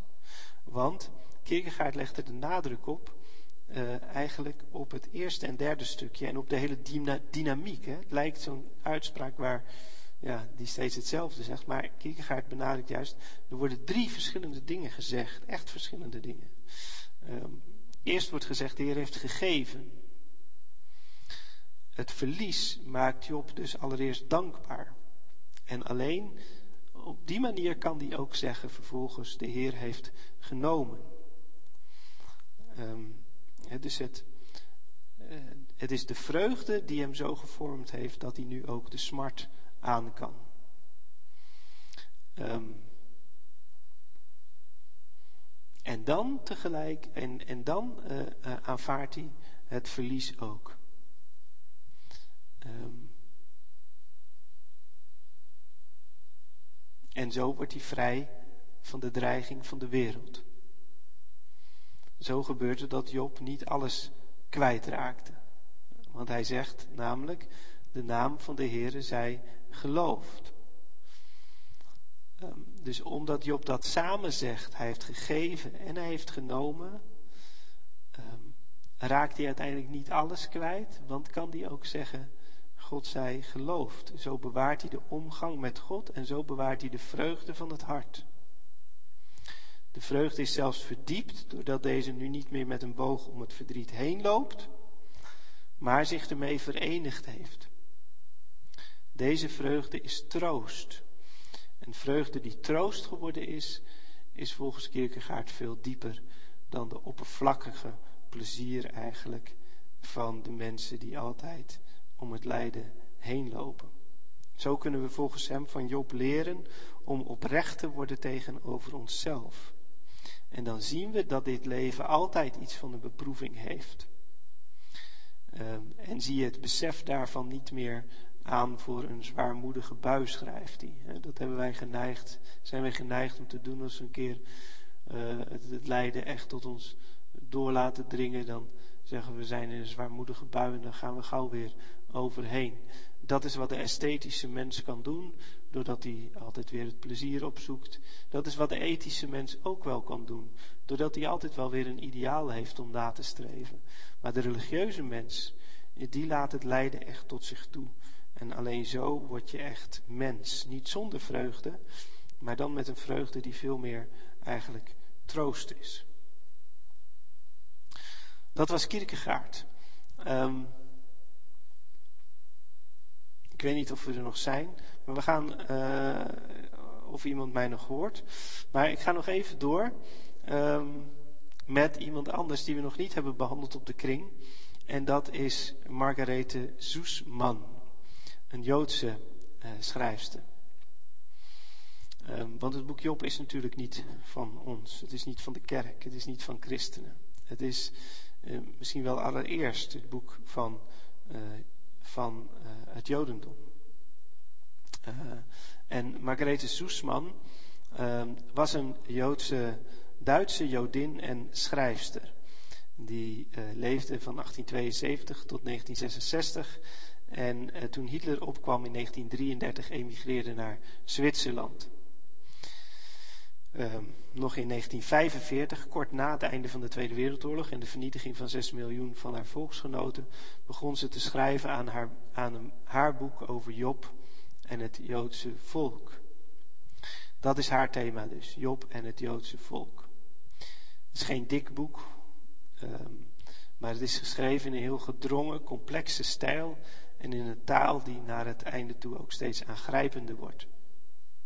Soesman probeert de vernietiging van de Joden in de Tweede Wereldoorlog te begrijpen en te verwerken. Dat is het doel van haar boek. Het doel van haar boek is dus niet in de eerste plaats om het boek Job uit te leggen. Maar zij ontdekt dat zij het lot van het Joodse volk alleen kan begrijpen vanuit het boek Job. Ze ziet Job dus niet als type van Christus, zoals de traditionele christelijke theologie, maar eigenlijk als type van Israël. Dat lijkt misschien wat vreemd in eerste instantie, omdat Job juist uitdrukkelijk niet als Jood getypeerd wordt natuurlijk in het boek. Hij leefde eens in het onvindbare land Us. Hij lijkt in dat opzicht meer type van de mens als zodanig. Nou, dat bestrijdt Sussman ook niet, want het is juist Israëls lot om op een bijzondere manier het algemene mensenlot te ondergaan. In het mensenleven als zodanig draait het om lijden en schuld, kwaad en streven, worsteling met God de Schepper en hoop om toch te leven. Dat zijn de thema's waar het Soesman om gaat, maar die Israël als het ware op een bijzondere manier uh, doorleeft. Um, en daar gaat het boekje op volgens haar over. Um, Exegetisch is die verbinding van Job met Israël als volk uh, natuurlijk te verbinden met die gedachte die ik aan het begin noemde, dat het boek na de ballingschap ontstaan moet zijn. Dat het volk Israël in de ballingschap alles kwijtraakte, uh, maar ook na de ballingschap alles weer terugkreeg. en vanuit die ervaring opnieuw ging nadenken over wat hen overkomen was. Um, die vergelijking tussen Job en het volk Israël ligt dus voor de hand en is in Joodse kring ook niet ongewoon. Maar wel ongewoon is om dat ook zelfs te betrekken op, de, uh, op Auschwitz. Dat gaat natuurlijk wel heel ver. En dat moet, roept ook nieuwe vragen op, want dan moet je ook gaan nadenken over de rol van God of een Satan in dat gebeuren van Auschwitz. En ook de vraag naar schuld of onschuld. Het is opvallend dat uh, Soesman die vraag uh, niet vermijdt, het ook over schuld heeft. En wel de schuld van het Joodse volk, gelezen vanuit Job. Dat zou je op eerste instantie vreemd kunnen vinden, want ja, gaat het er bij Job niet om dat hij steeds zijn onschuld vasthoudt. Ehm, je kunt, bovendien lijkt het al gauw tot hele uh, verre conclusies te moeten leiden. Uh, namelijk dat je het Joodse volk zelf mede verantwoordelijk houdt voor de concentratiekampen. Nou, zo bouwt kan het natuurlijk ook niet. Maar Soesman zegt, terwijl zij zelf Jodin is, uh, dat we toch wel moeten spreken over schuld. Al is het paradoxaal, als een schuldeloze schuld. Als een enerzijds anderzijds. Israël was niet schuldiger dan andere volken. Um, maar um, het was tegenover God ook niet onschuldig. Um, een gemakkelijke idee van straf bijvoorbeeld, uh, voor uh, dat zij Christus hebben afgewezen, zal ze uiteraard afwijzen. Maar het hoort volgens haar wel bij de plek van Israël uh, in de wereld dat Israël voortdurend schuld draagt. De schuld van zichzelf, maar ook de schuld van de hele wereld eigenlijk. Um, datgene wat we uh, uh, in de kerk van Christus zeggen, dat hij plaatsvervangend schuld draagt, dat zegt Soesman eigenlijk en daarin is hij zeker niet de enige uh, Jood die dat doet, dat dat eigenlijk voor uh, Israël geldt. Uh, Jezaja 53, waar het gaat over de knecht des Heren, die om onze overtredingen werd verbrijzeld. We zijn in de kerk natuurlijk heel erg gewend om te zeggen dat gaat over Jezus. Maar de meeste Joodse uitleggers zeggen, de knecht des Heren, dat is Israël. Israël is het volk dat ertoe bestemd is om de schuld van de wereld te dragen, plaatsvervangend. Um, en Soesman waagt het dus om dat ook op Auschwitz toe, te passen zelfs. Auschwitz heeft ook met schuld dragen te maken. Met Israël dat plaatsvervangend um, de schuld voor de wereld draagt. En daarin, zegt zij, want zij is dus voortdurend bezig, 1946, met het verwerken van Auschwitz. Daarin, zegt zij, eh, ja, vormen God en de Satan ook een soort duo. Het is heel aangrijpend eigenlijk om te lezen wat ze erover schrijft. Um, hoezeer zij bijvalt dat de Satan inderdaad een, dat we de Satan inderdaad als een van de zonen van God moeten zien. Dat we kwaad en God niet uit elkaar moeten trekken. Alsof we dus in Auschwitz overgeleverd zijn aan de Satan. Eh, nee, maar dat we juist moeten vasthouden dat uiteindelijk God uh, handelt. Um, ik dacht toen ik dat las, als een christen zoiets over Auschwitz zou schrijven, dan zou ik me eigenlijk afvragen of dat wel mag. Uh, of je dat wel zo mag zeggen. Um, maar hier zegt een Jood het zelf, vanuit het boek Job. Um, dus volgens Soesman ja, hoort het lijden in die zin ook bij het wezen van wat Israël is. Uh, zij ziet dat ook de hele geschiedenis van Israël zo doorgaan. En op een bepaalde manier trekt ze dat zelfs door naar de vraag of er een Joodse staat moet komen. Um, het boek werd dus gepubliceerd in 1946. Dat wil zeggen na de Tweede Wereldoorlog, maar voor de stichting van de staat Israël in 1948. En in die jaren was het zogenaamde Zionisme in zwang. Dat wil zeggen een Joodse beweging die streefde naar een Joodse staat. Ehm, maar dat was ook een rijk geschakeerde beweging. En Sussman verhoudt zich daar ook toe. Uh, en eigenlijk op een, uh, op een positieve, maar ook kritische manier.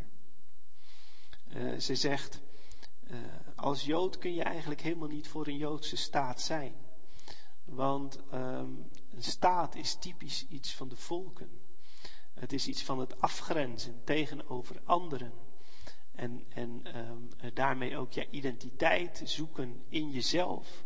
Terwijl Jood zijn juist betekent, ja, de roeping van Abraham vervullen. En de roeping van Abraham is, in u zullen alle geslachten van de aardbodem gezegend worden. En dat kan niet als wij ons ook opsluiten achter grenzen.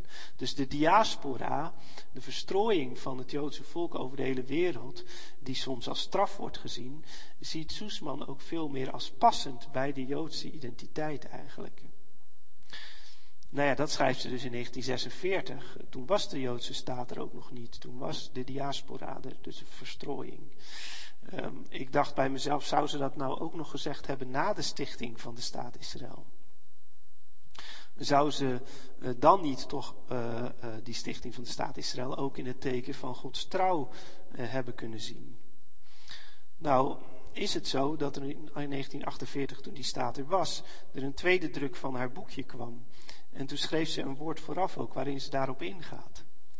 En het viel mij op dat ze dan toch aan vasthoudt dat de staatsvorm gevaarlijk is. Israël mag niet worden als de volken, blijft ze zeggen, die allemaal hun eigen koning hebben. We kennen dat al van uh, het ontstaan van de koningen bij Saul. Uh, wij willen een koning, want wij willen zijn als de andere volken. Um, ze zegt dat is uh, wat nu weer gebeurt. Dat is de vloek van het nationalisme. Um, en daar moeten wij ons juist tegen verzetten. Israël staat als uitverkoren volk juist voor de hele mensheid, moet tot zegen van de mensheid zijn. En dat kan niet als het de patronen van de wereld overneemt. Je ziet hier op een andere manier dus weer eigenlijk een positieve waardering van het lijden terugkomen. Op een heel andere manier dan dat in de middeleeuwen het geval was. Um, uh, maar wel weer een positieve waardering eigenlijk van het lijden als iets echt, wat echt bij de identiteit ook van het Joodse volk uh, hoort. Het slot van het boek is ook prachtig. Um, um, en dat zal ik nog even voorlezen. Ze heeft het daar over de oneindigheid van de hoop. dat, ze, ze zegt, dat kunnen we leren, en dat is ook echt Jood zijn, dat kunnen we leren uit het boek Job. Uh, dat je blijft leven uit de hoop, ook als daar geen basis eigenlijk voor is in de wereld. Um, dat is wat Job doet. Uh, hij vindt voor zijn hoop eigenlijk geen basis meer in de wereld, in zijn ervaring. Hij vindt daar zelfs geen basis meer voor in God.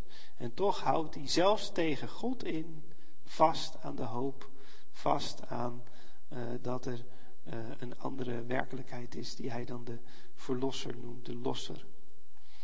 Um, en uh, dat is ook voor dat vasthouden aan de hoop tegen alle zin, is ook voor Soesman de kern van het geloven eigenlijk. Ze geeft dan eerst een citaat van Frans Kafka, een Joodse schrijver, um, waar ze ook belangrijke artikelen over geschreven heeft. Ze schrijft dat Kafka als weinigen uit alle volken de vernietiging en verlorenheid van onze wereld heeft onderkend en in zijn werk zichtbaar heeft gemaakt, maar dat hij in heel eenvoudige, nuchtere, slechts nog verborgen messiaanse woorden de hoop heeft vastgehouden. Dit schrijft Kafka dan, als op de dag van morgen de gevangenschap nog onveranderd aanhoudt, of zich zelfs nog verscherpt, of als zelfs verklaard wordt dat ze nooit zal ophouden, dan is dat geen weerlegging van het vermoeden van een definitieve bevrijding. Dit alles is veel eer nog de noodzakelijke voorwaarde voor de definitieve bevrijding. En dan eindigt het boek met deze alinea. Daarmee komt toch de zwaar gebarricadeerde poort van onze gevangenis op een smalle kier te staan. Een bovenaardse straal van licht dringt naar binnen. Jobs inzicht laat die door. Wij die zo oneindig veel, wij die veel te veel weten, wij weten niets. Wij weten niets van dat ene waarop het voor ons alleen aankomt. Het plan waarin wij zijn opgenomen en waaruit wij leven.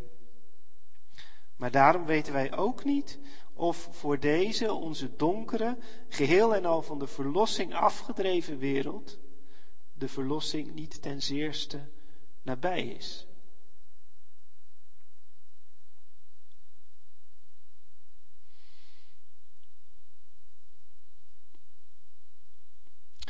Dus volgens haar leert het boekje op ons dat wij eigenlijk ja, dat, dat eigenlijk alle zekerheden ons worden ontnomen. Maar vanuit dat nulpunt, dat je zegt, ik weet het helemaal niet meer. Daarvan moet je dan ook zeggen, wij weten ook niet of de verlossing misschien niet heel dichtbij is. En dat is het geloof. Het boek Job, zegt zij, geeft ons dus geen antwoord op de vraag naar het lijden, maar leert ons vertrouwen dat God ons lot toch elk moment kan wenden. Ook al is er niets dat daarop wijst. Zo bewaart het woord van God ons in de hoop en bewaart het ons in de hoop. Maar ja, dan moet je wel weten, of in ieder geval vertrouwen, dat die God uiteindelijk uh, wel goed is. Ik heb gezegd, een van de vragen die in het boekje op aan de orde uh, zijn, is juist die vraag: wie is God? Is Hij uh, wel goed? Ook. Um, en dat is de vraag waar nog iemand anders zich op concentreert. Ik zit even naar de tijd te kijken. Gaan we dit nog doen? Ik zou zeggen, um, als u het niet meer volhoudt, dan pauzeert u hier. En dan kijkt, luistert u het later nog een keer af. Ik ben nu toch al begonnen, dus ik maak het nu ook nog af. En daartussendoor kan Constant Constantius nog wel even spelen.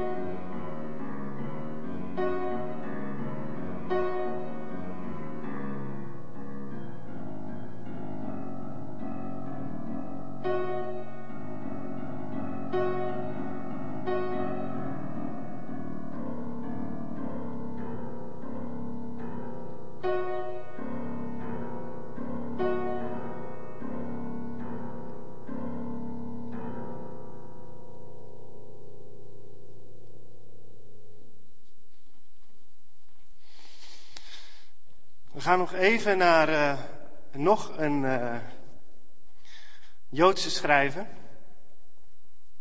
psychiater, Carl Gustav Jung. Um, Soesman heeft gezegd, uiteindelijk zegt het boekje op, we weten niets, maar daarom weten wij ook niet of de verlossing niet misschien heel dichtbij is. Ja, maar kun je dat zeggen zonder te weten of die God uiteindelijk ook goed is. Um, volgens Jung is dat precies juist het probleem. Uh, hij vraagt dus niet zoals Soesman naar um, hoe kan het boek Job ons helpen om Auschwitz te begrijpen, maar hij vraagt echt weer naar God. Maar dan wel als psycholoog. Um, antwoord op Job is zijn boek, het boek dat hij geschreven heeft. is een van de latere werken van Jung. Jung was weer een leerling van Freud, een van de grondleggers van de psychoanalyse. Ehm, en um, um, nou ja, daarbij kreeg Jung dan ook wel weer meer belangstelling voor het religieuze. Freud was een atheïst, maar Jung gaat eigenlijk ook weer op zoek naar religie, de betekenis van religie. Uh, maar dan vanuit de menselijke psyche. Uh, een antwoord op Job is dus een van zijn latere boeken en uh, absoluut fascinerend, maar ook heel anders dan, ja, dan wij gewend zijn. En um, ja, ik denk dat als je het zou leren, lezen, dat je ook al snel zou denken: dit is heel erg ketters. En dat is het misschien ook wel, maar um, ja, toch werpt het ook een bepaald licht op het boek Job, waar we denk ik wel over na moeten denken. Um,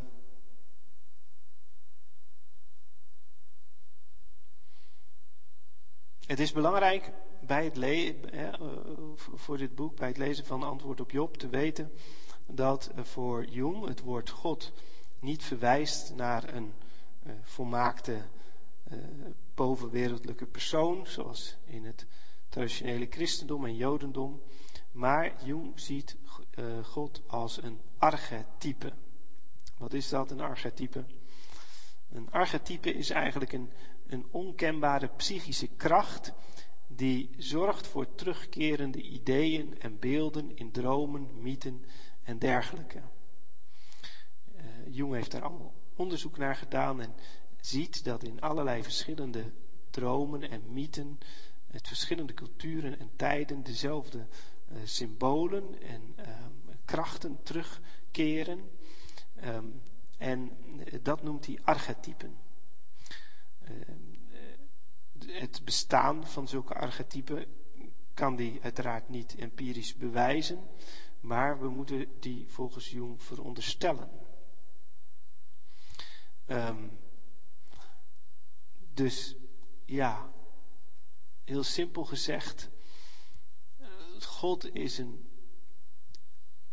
kracht die in de diepte, diepste lagen van ons bewustzijn voorkomt. Um, maar als er geen mensen zouden zijn, dan zou er ook geen God zijn. Maar daar moet je ook weer niet de conclusie uit trekken dat God dus een bedenksel van mensen is, want die archetypen, eh, die verzinnen wij niet. Nee, die gaan wel aan ons handelen en denken en alles vooraf. Ze sturen ons juist. Eh, in die zin hebben ze wel degelijk zelf ook invloed op onze werkelijkheid.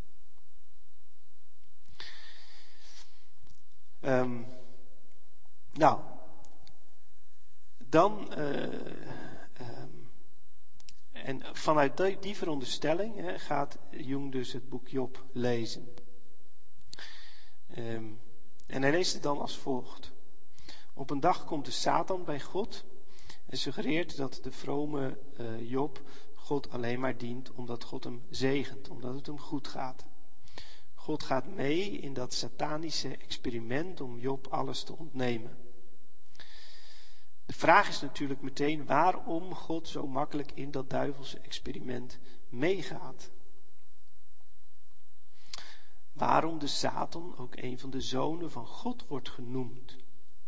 Tekst waar we natuurlijk niet zo gauw, uh, die, ja, waarvan we misschien ook wel liever zouden willen dat hij er niet staat, maar die staat er wel en daar let Jung juist op.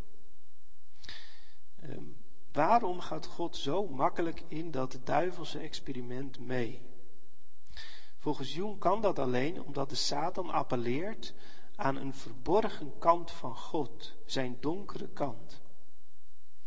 Als God niet zelf een donkere kant had gehad, dan was hij niet vatbaar geweest voor de intriges van de Satan. Maar nu blijkt hoe zwak God is. Zoals als het ware de zwakheid van Eva blijkt doordat zij bezwijkt. Uh, voor de intriges van de Satan in Genesis 3. Daarmee laat de mens zien dat hij een donkere kant heeft. die daarvoor open staat. Zo laat God zien dat hij ook een donkere kant heeft, die open staat voor, um, voor het boze. Um, dus de Satan onthult hoe zwak God eigenlijk is. En als God dat dan zelf ontdekt, dan wreekt eh, God zich, notabene niet op de Satan, maar op Job.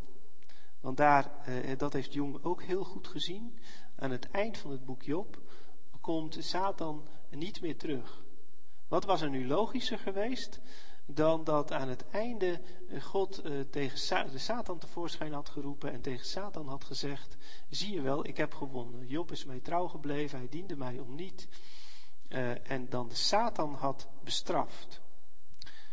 Maar aan het einde bestraft God de Satan niet, maar Job, het slachtoffer. Tegen Job zegt God: Wie is het die mijn raadsbesluit verduistert met woorden zonder inzicht? Dat verwijt hij Job. Maar is het wel Jobs schuld? vraagt Jong zich af. Datgene wat duister is, is toch niet Job, maar is toch juist hoe God ertoe kwam een weddenschap met Satan af te sluiten.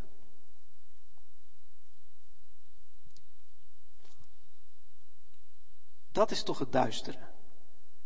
Die weddenschap van God met Satan, waar Job niets van af weet.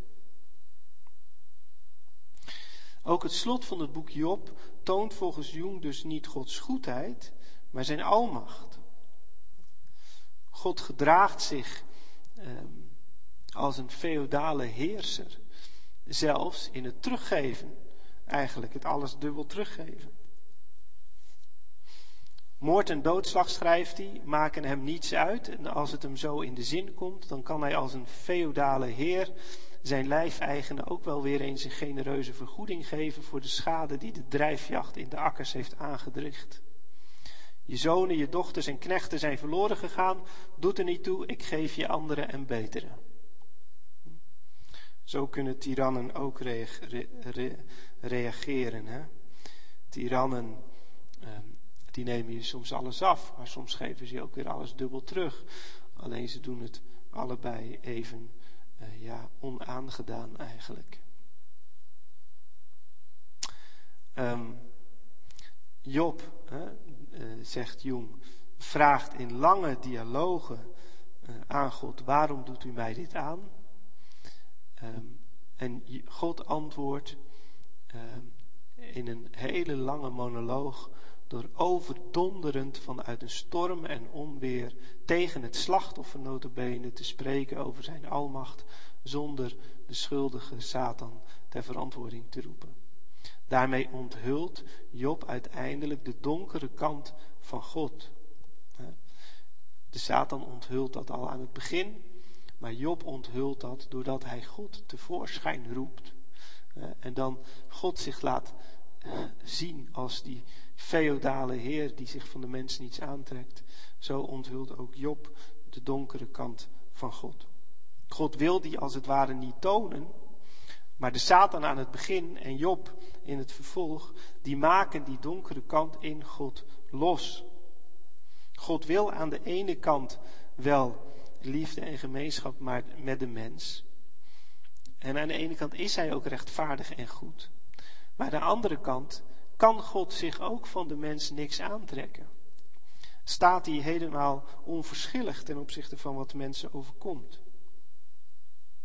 Dat is de volgens Jung zelfs voor God onbewuste kant van hemzelf, die aan het slot van Job onthuld wordt. Dus net zoals mensen, net zoals wij mensen onbewuste kanten in onszelf hebben, hè, soms lees je het wel eens in de krant dat een, een, een, een persoon die altijd als vriendelijk uh, bekend stond uh, bij de buurt, blijkt dan ineens een meisje te hebben verkracht of iets anders vreselijks te hebben gedaan. En iedereen zegt, dat hadden we nooit achter hem gezocht. maar die had blijkbaar een, een, een, duistere kant in zichzelf, die hem zelf ook nog, die hem zelfs, zelf onbewust was. Zo heeft God dat ook. Maar de Satan en Job onthullen die. Zo wordt God onthuld als een tegenstelling in zichzelf. Jung schrijft, uh, de Heere God is niet gespleten, maar hij is een tegenstelling in zichzelf. Een totale innerlijke tegenstrijdigheid. En die innerlijke tegenstrijdigheid die God is, die geeft hem tegelijk zijn enorme dynamiek, zijn almacht en zijn alwetendheid. De Heere God heeft in moderne bewoordingen gezegd weinig contact met zichzelf. Jung noemt daarbij als voorbeeld Genesis 6, waar staat dat God berouw heeft dat hij mensen gemaakt heeft. En daar schrijft Jung erbij, terwijl toch Gods alwetendheid vanaf het begin af aan er haarfijn van op de hoogte was wat er met dergelijke mensen zou gebeuren. Dus eh, aan de ene kant de ene kant van God schept mensen en dat doet hij met goede wil, maar de andere kant van God weet al eh, dat dat mis zou gaan en dat hij, en dat hij daar berouw van zal hebben. Maar die twee kanten van God staan niet met elkaar in contact.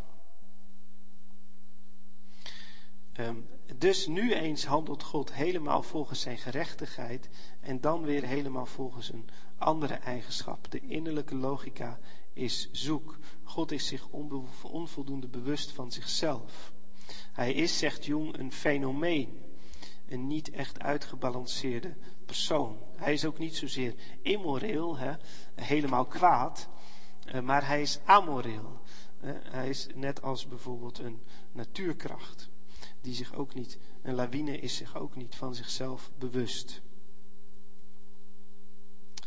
Um, maar in het boek Job gebeurt dus iets. Daar uh, wordt als het ware die onbewuste kant van God ook aan hemzelf onthuld. Door de mens, mede door de mens. Um, God ziet dat Job misschien wel rechtvaardiger is dan hij. En dat Job eigenlijk ook reflexiever is dan hij. Want Job is zich meer bewust van zijn donkere kant in zichzelf dan God zelf. Jung gaat dat dan uh, vervolgens op een heel speculatieve manier verbinden met andere bijbelse en buitenbijbelse bronnen. Onder meer over de wijsheid als eerste schepping van God. Um, uiteindelijk, uh, en hij legt dan ook een verband met de menswording van God in Christus. Uiteindelijk betekent dat, die menswording van God in Christus, uh, voor hem dat God als het ware zijn donkere kant ook erkent. En dat hij in Christus ook toegeeft dat dat verkeerd was en dat hij het beter wil doen. Die menswording van God bereikt zijn voltooiing aan het kruis, waar Christus roept: Mijn God, mijn God, waarom hebt u mij verlaten? Daar ervaart volgens Jung God zelf wat hij Job heeft aangedaan. Aan het kruis van Christus ervaart God zelf wat hij Job heeft aangedaan. En daar geeft hij antwoord op Job. Um, maar toch is het volgens Jung niet zo dat die donkere God van, kant van God daarmee uh, helemaal overwonnen is. Jezus leerde ons niet voor niets bidden, leidt ons niet in verzoeking. Dat bidt hij tot God.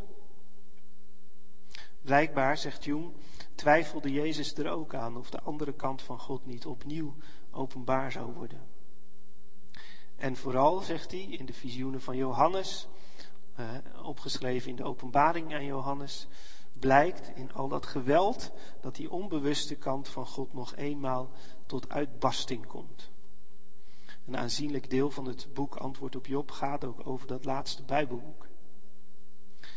Johannes had in zijn brief nog geschreven dat God liefde is, dat in hem geen duisternis is, maar als hij dan visioenen krijgt aan het einde van zijn leven, dan wordt die andere kant van God ineens nog aan hem ge, uh, onthuld, geopenbaard. Dus die spanning in God blijft eigenlijk. Zoals gezegd, uh, Jung is als psycholoog geïnteresseerd in die fenomenen. Uh, God is uiteindelijk voor hem een psychische realiteit. Je kunt dus dat als je dan zegt, God heeft twee kanten in zich, dan kun je dat bij Jung niet helemaal losmaken van de mens heeft ook die kanten in zich. Ehm, als God zich van zichzelf bewust wordt, betekent dat ook de mens moet zich van die donkere kant in zichzelf bewust worden. Ehm, en via de openbaring, of wat wij als openbaring ervaren in de Bijbel, gebeurt dat ook. Uh, zo kan de mens langzaamaan zijn donkere kant erkennen. Uh, het donkere wat in zijn diepe onbewuste leeft, erkennen en daarmee gaan verzoenen. Hoe moet je dat nou allemaal evalueren? Het is op zich natuurlijk niet zo moeilijk om vanuit een traditioneel christelijk denkkader uh, Jung meteen aan de kant te zetten. En dan hadden we ook eh, niet eens aan zijn werk hoeven te beginnen. Je kunt natuurlijk zeggen, iemand die God niet eens uh, als een wezen onafhankelijk van de menselijke geest beschouwt, die kun je niet serieus nemen. Je kunt het ook beangstigend vinden dat iemand op zo'n totaal andere manier de Bijbel leest. Maar zelf denk ik dat zo'n omgang toch niet, zoveel, niet zo erg zinvol is. Dat we beter kunnen vragen welke elementen in het boek Job door de lezing van Jung wel oplichten, uh, die bij andere lezing niet zo worden waargenomen. Zijn die elementen er? Uh, nou, ik denk het wel. Ik denk dat Jung op zijn minst heel scherp een probleem aanwijst dat inderdaad toch wel in het boek Job aan de orde is, namelijk het probleem van de eenheid van God, of de eenvoud van God. Ik heb dat aan het begin al aangeduid.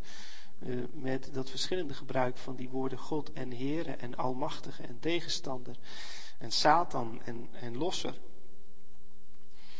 Um, de traditionele theologie zegt dat God eenvoudig is. Dat er geen echte onderscheidingen in God zijn. Dat God niet uit stukjes of delen bestaat zoals wij schepselen. Wij hebben een ziel en een lichaam. Wij hebben gevoel en verstand en een vrije wil enzovoorts. Maar dat dat allemaal er bij God niet is. De traditionele theologie zegt wij spreken wel over Gods goedheid en gerechtigheid en wijsheid en genade en heiligheid en almacht. En over God als Vader en Zoon en Heilige Geest. Maar eigenlijk zijn dat onze onderscheidingen. Want God zelf is absoluut één en eenvoudig. Maar ik denk dat Jung wel terecht de vraag stelt uh, of dat wel een opvatting is die bij het Bijbelboek Job past. Ik heb dus al gewezen op dat verschil tussen de Here en, en God en de Losser. En daarmee stelt het boekje op zelf ook de vraag of God wel één is. En of de schepper wel uh, zomaar dezelfde is als de verbondsgod en de verlosser. En het antwoord is niet simpelweg dat Job zich vergist heeft en dat God natuurlijk toch één en goed is. Dat lijkt mij niet het antwoord van het boek Job. Uh, het is waar dat God in het antwoord aan Job zijn almacht opnieuw bevestigt en in die zin uh, een antwoord weigert. Um, het is uh, dus dat, dat God zich daarin onttrekt en ook blijft onttrekken, dat is in ieder geval waar. het is ook waar, denk ik, dat de God van de Bijbel niet een helder gestructureerd redelijk wezen is, maar, zoals Jung schrijft, een God die mateloos is in zijn emoties. Ik denk dat dat wel klopt. Dat de God van de Bijbel mateloos kan zijn in zijn emoties, mateloos in zijn liefde, maar ook mateloos in zijn toorn soms. Um, het antwoord uh, en de, voor zover dat Job bevredigt, zit dat dus ook niet zozeer in het wat, in, in, in dat bevestigd wordt dat God toch um, uit één stuk is, maar dat God contact met hem zoekt. Um, maar dat blijft de sprong van het geloof vragen. Het geloof vertrouwt erop dat Gods goedheid en Gods almacht uiteindelijk ergens bijeen gehouden worden. En dat uiteindelijk God en de Heere uh, dezelfde zijn. Uh, God en de verlosser. Um, en het geloof bevestigt dat dat inderdaad niet zonder Christus kan, zoals Jung ook zegt. Dat in en door Christus wij ervan overtuigd zijn en de hoop vasthouden dat God toch goed is. Maar buiten het geloof en buiten Christus zijn die zekerheden niet te verkrijgen. En ik denk dat Jung dat in ieder geval heel terecht en heel duidelijk aanwijst. Ehm, dat hij daarbij erg speculatief te werk gaat, dat klopt. Maar zijn ideeën hebben toch wel een basis in problemen die ook in de tekst van Job zelf worden aangewezen. De vraag is, waarom werd God mens? Waarom werd dat de weg om het kwaad te overwinnen? Er was toch eigenlijk een veel simpelere manier geweest, namelijk de Satan straffen en verdoen. Dat is de vraag aan het eind van het boek Job. Waarom straft God de Satan niet? Waarom laat hij niet op zijn minst aan de Satan nog even merken dat hij gewonnen heeft? Maar dat is natuurlijk ook al de vraag aan het begin van de Bijbel in Genesis 3. In Genesis 3 vindt de zondeval plaats. Ehm, maar waarom uh, wordt de Satan dan niet meteen uh, vernietigd?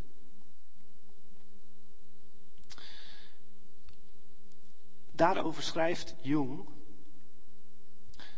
Men zal natuurlijk willen beweren dat Christus moest verschijnen om de mensheid van het kwaad te verlossen. Wanneer je echter bedenkt dat het kwaad oorspronkelijk door Satan geïnsinueerd werd en nog voortdurend overal ingetoverd wordt, dan zou het toch heel wat eenvoudiger lijken als God deze practical joker eens een keer flink tot de orde zou roepen. En zijn schadelijke invloed en daarmee de wortel van het kwaad zou uitroeien. Er zou dan helemaal geen openbaring van een bijzondere incarnatie nodig zijn met alle onafzienbare gevolgen die een menswording van God met zich brengt. Je moet je eens goed tot je door laten dringen wat dat betekent. God wordt mens. Dus Jung zegt, als de Satan het kwaad is en als God daar echt van af wil, dan had hij de Satan kunnen vernietigen meteen bij het begin al. En dat zou onze verlossing zijn geweest. En dan was die hele menswording niet nodig. Waarom wordt God eigenlijk mens? Nou, volgens Jung is dat dus omdat God zo ook zelf tot zijn voltooiing moet komen. Volgens Jung is het zo dat in het boek Job blijkt dat de mens eigenlijk moreel superieur aan God is. God houdt immers stand. Job houdt immers stand. Hij zondigt niet. Ook niet als alles hem onterecht wordt ontnomen. Daarmee is Job eigenlijk moreel hoogstaander dan God, die immers via de Satan een onrechtvaardig spel met hem speelt. Maar aan het eind van het boek Job komt God ook zelf tot dat inzicht. God moet erkennen dat de mens iets heeft wat, hem, wat hij mist. En daarom is God mens geworden. Omdat hij zelf iets mist. En zelf voltooid moet worden. Zelf verzoend moet worden met de donkere kant van zichzelf. In de woorden van Jung, God erkent dat de mens Job moreel superieur aan hem is. En dat hij daarom het mens zijn nog moet inhalen. Omdat, hij, omdat zijn schepsel hem heeft overtroffen, moet hij zichzelf vernieuwen. fascinerende, fascinerende gedachten. Eh, die natuurlijk op tal van punten in strijd zijn met het klassieke christelijke geloof. Eh, maar die ons toch wel aan het denken zetten als het gewoon gaat om uh, wat het boek Job ons te zeggen heeft. Wij lezen het boek Job natuurlijk niet sec. We kunnen dat niet. We lezen dat altijd als onderdeel van de gehele kanon, van de hele Bijbel. Um, um, en we kunnen ook niet zomaar uh, meegaan in de uitgangspunten van Jung. Maar het is toch wel absoluut zijn kracht uh, dat hij dat probleem heel scherp naar voren heeft gehaald, wat heel veel christenen denk ik juist gewend zijn om te ontkennen. Ehm, namelijk, ja, die, ehm, die de vanzelfsprekendheid dat God één is in zichzelf. Um, ja, en dat we daarin ook wel mogen nadenken over de vraag wat Christus daarin betekent. De gedachte dat God ja, zich, zichzelf nog moet voltooien. Dat is natuurlijk heel moeilijk vanuit het christelijk geloof gezien. Maar de gedachte dat de verzoening van God uh, met de mensen in Christus ook de verzoening van God met zichzelf inhoudt. Dat is een gedachte die je in andere, bij traditionele christelijke theologen ook wel vindt. Alleen in de Lutherse traditie, denk ik. Um, in de Lutherse traditie laat men het meest, hè, dat hebben we ook bij Luther al gezien, Luther zelf al gezien, het vluchten van God naar God. Dan wordt natuurlijk ook God helemaal uit elkaar getrokken. God, uh, Luther zegt ook van, uh, Job weet niet meer wie God is, of die nou God is of de Satan. En dat hoort er ook bij, dat hoort ook bij de openbaring van God. Dus in die Lutherse traditie heb je ook wel theologen die zeggen, de openbaring van God in Christus betekent niet alleen de verzoening van God en mens, maar betekent ook de verzoening van God met zichzelf. De openbaring van God in Christus betekent ook dat, um, ja, dat God de donkere kant van zichzelf overwint. Zo heb ik dat zelf genoemd aan het eind van mijn dissertatie, um, die ook deels over dit soort dingen ging. Um, en toen heb ik het gehad over de zelfoverwinning van God. Uh, wij hoeven het kwade in God niet te overwinnen. Maar de openbaring betekent wel dat God ook het kwaad in zichzelf overwint. Ja, dat vond ook niet iedereen een, uh, goed uh, om zo'n nieuw theologisch begrip in te voeren. Maar ik denk wel, mede op grond van het boek Job, dat we om zoiets niet heen kunnen dat um, ja, in Christus ook iets plaatsvindt van een God die zichzelf overtreft. Uh, er zijn toch ook andere elementen in de Bijbel die daaraan doen denken. Uh, ook in het Oude Testament al. Dat God echt op een gegeven moment iets, het ene wil en dan komt er iemand tussen en dan wil die het andere. Um, bijvoorbeeld uh, waar Jung al op wees, dat God echt eh, de schepping wil verdoen. Hij zegt, ik heb echt berouw van de hele schepping, van het hele idee dat er een wereld is. Maar dan ziet hij Noach en dan gaat hij toch weer verder. En later heb je dat met Mozes. Dan zegt hij, ik wil het verbond beëindigen. En dan wil hij het ook echt bij het gouden kalf. Uh, maar dan gaat Mozes ertussen staan. En dan overwint God als het ware zichzelf, zijn boze wil. En gaat hij toch weer verder. Ik denk dat we wel kunnen zeggen dat zoiets ook definitief in Christus gebeurt. Dat God zichzelf daarin nog een keer tegenkomt. En, um, um, ja, en zichzelf in die zin uh, overwint. Um, bij Jung uh, lijkt het er erg op alsof de mens dat dan ook moet doen. Uh, ja, dat, dat God door de mens moreel overtroffen wordt dat is een gedachte die je eigenlijk ook bij Van de Beek vindt. Die uh, eigenlijk wel bij Jung aansluit. Uh, het boekje van Van de Beek heet Rechtvaardiger dan God. Job is rechtvaardiger dan God. Um, want Job, God was eigenlijk onrechtvaardig door dat spel met de Satan te spelen. Job daarentegen houdt uh, helemaal vast aan zijn vroomheid. Uh, en vervloekt God niet en ook zijn broeders niet. Um, en uh, blijkt dus rechtvaardiger dan God te zijn. En God erkent dat volgens uh, Van de Beek dan uiteindelijk, doordat hij Job alles dubbel teruggeeft. Daarmee erkent God, jij bent inderdaad rechtvaardiger dan ik. Het risico daarvan, van die denkbeweging, lijkt mij dat, ja, dat wij de mens uiteindelijk inderdaad moreel superieur aan God gaan achten. Dat is weer met de hoofdlijn van de Bijbel, denk ik, niet te verenigen. Um, maar dat er in God een interne dynamiek is, waarin hij ook met zichzelf iets te stellen heeft. Um, ja, dat is toch wel uh, ook wel deze, uh, wat dit boek ons laat zien. Um, als ik zo doorga, dan zit ik hier morgenochtend nog. Uh, dus uh, de rest komt nog een andere keer of niet. Ik heb nog dingen te vertellen over Miskotte, over René Girard, over Gustavo Gutierrez, over Harold Kushner en over Arno Grunberg. Uh, waarvan we sommige op de kring al hebben gehad, maar Girard en Gutierrez en Kushner nog niet. Maar ja, misschien ga ik dat dan nog doen en misschien ook niet. Ik zal um, nu het laatste woord nog geven aan Constant, Constantius.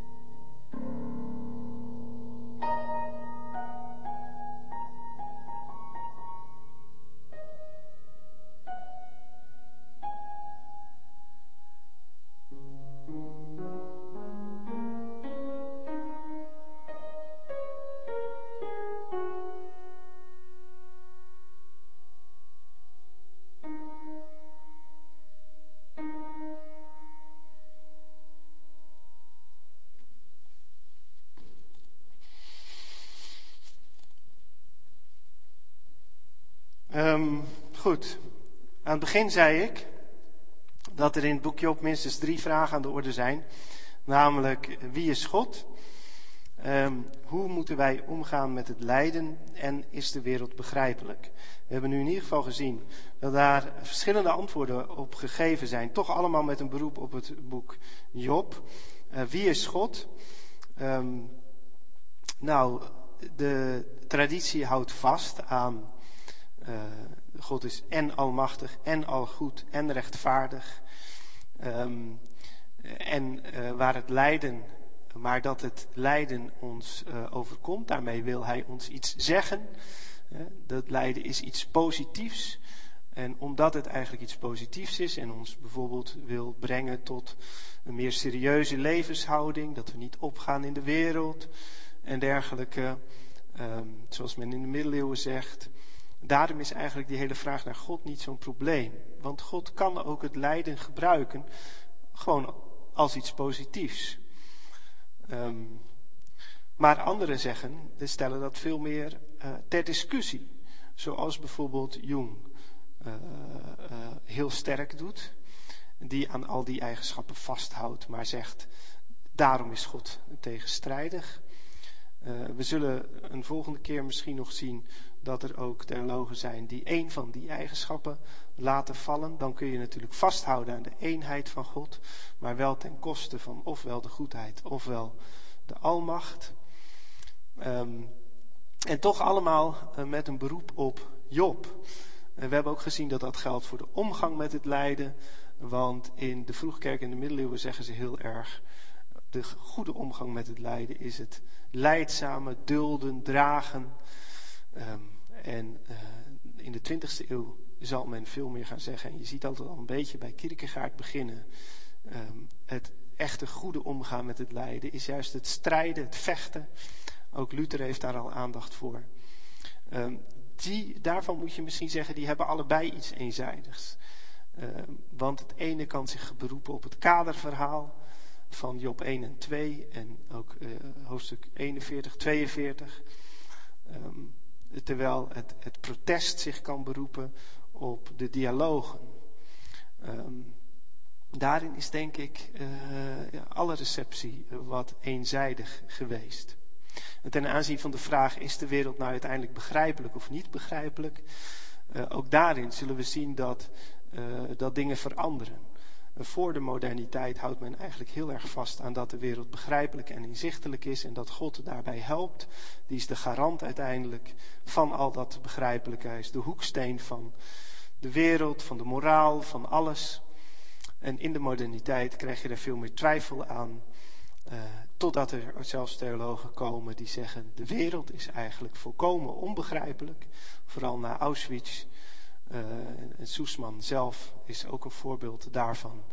Uh, het leven is volkomen onbegrijpelijk.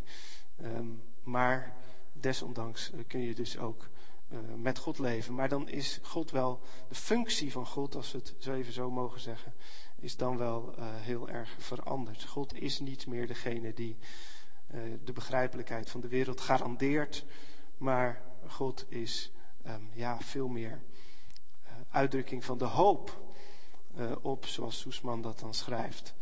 Um, als wij niets weten, dan weten wij ook niet of de verlossing misschien niet heel dichtbij is.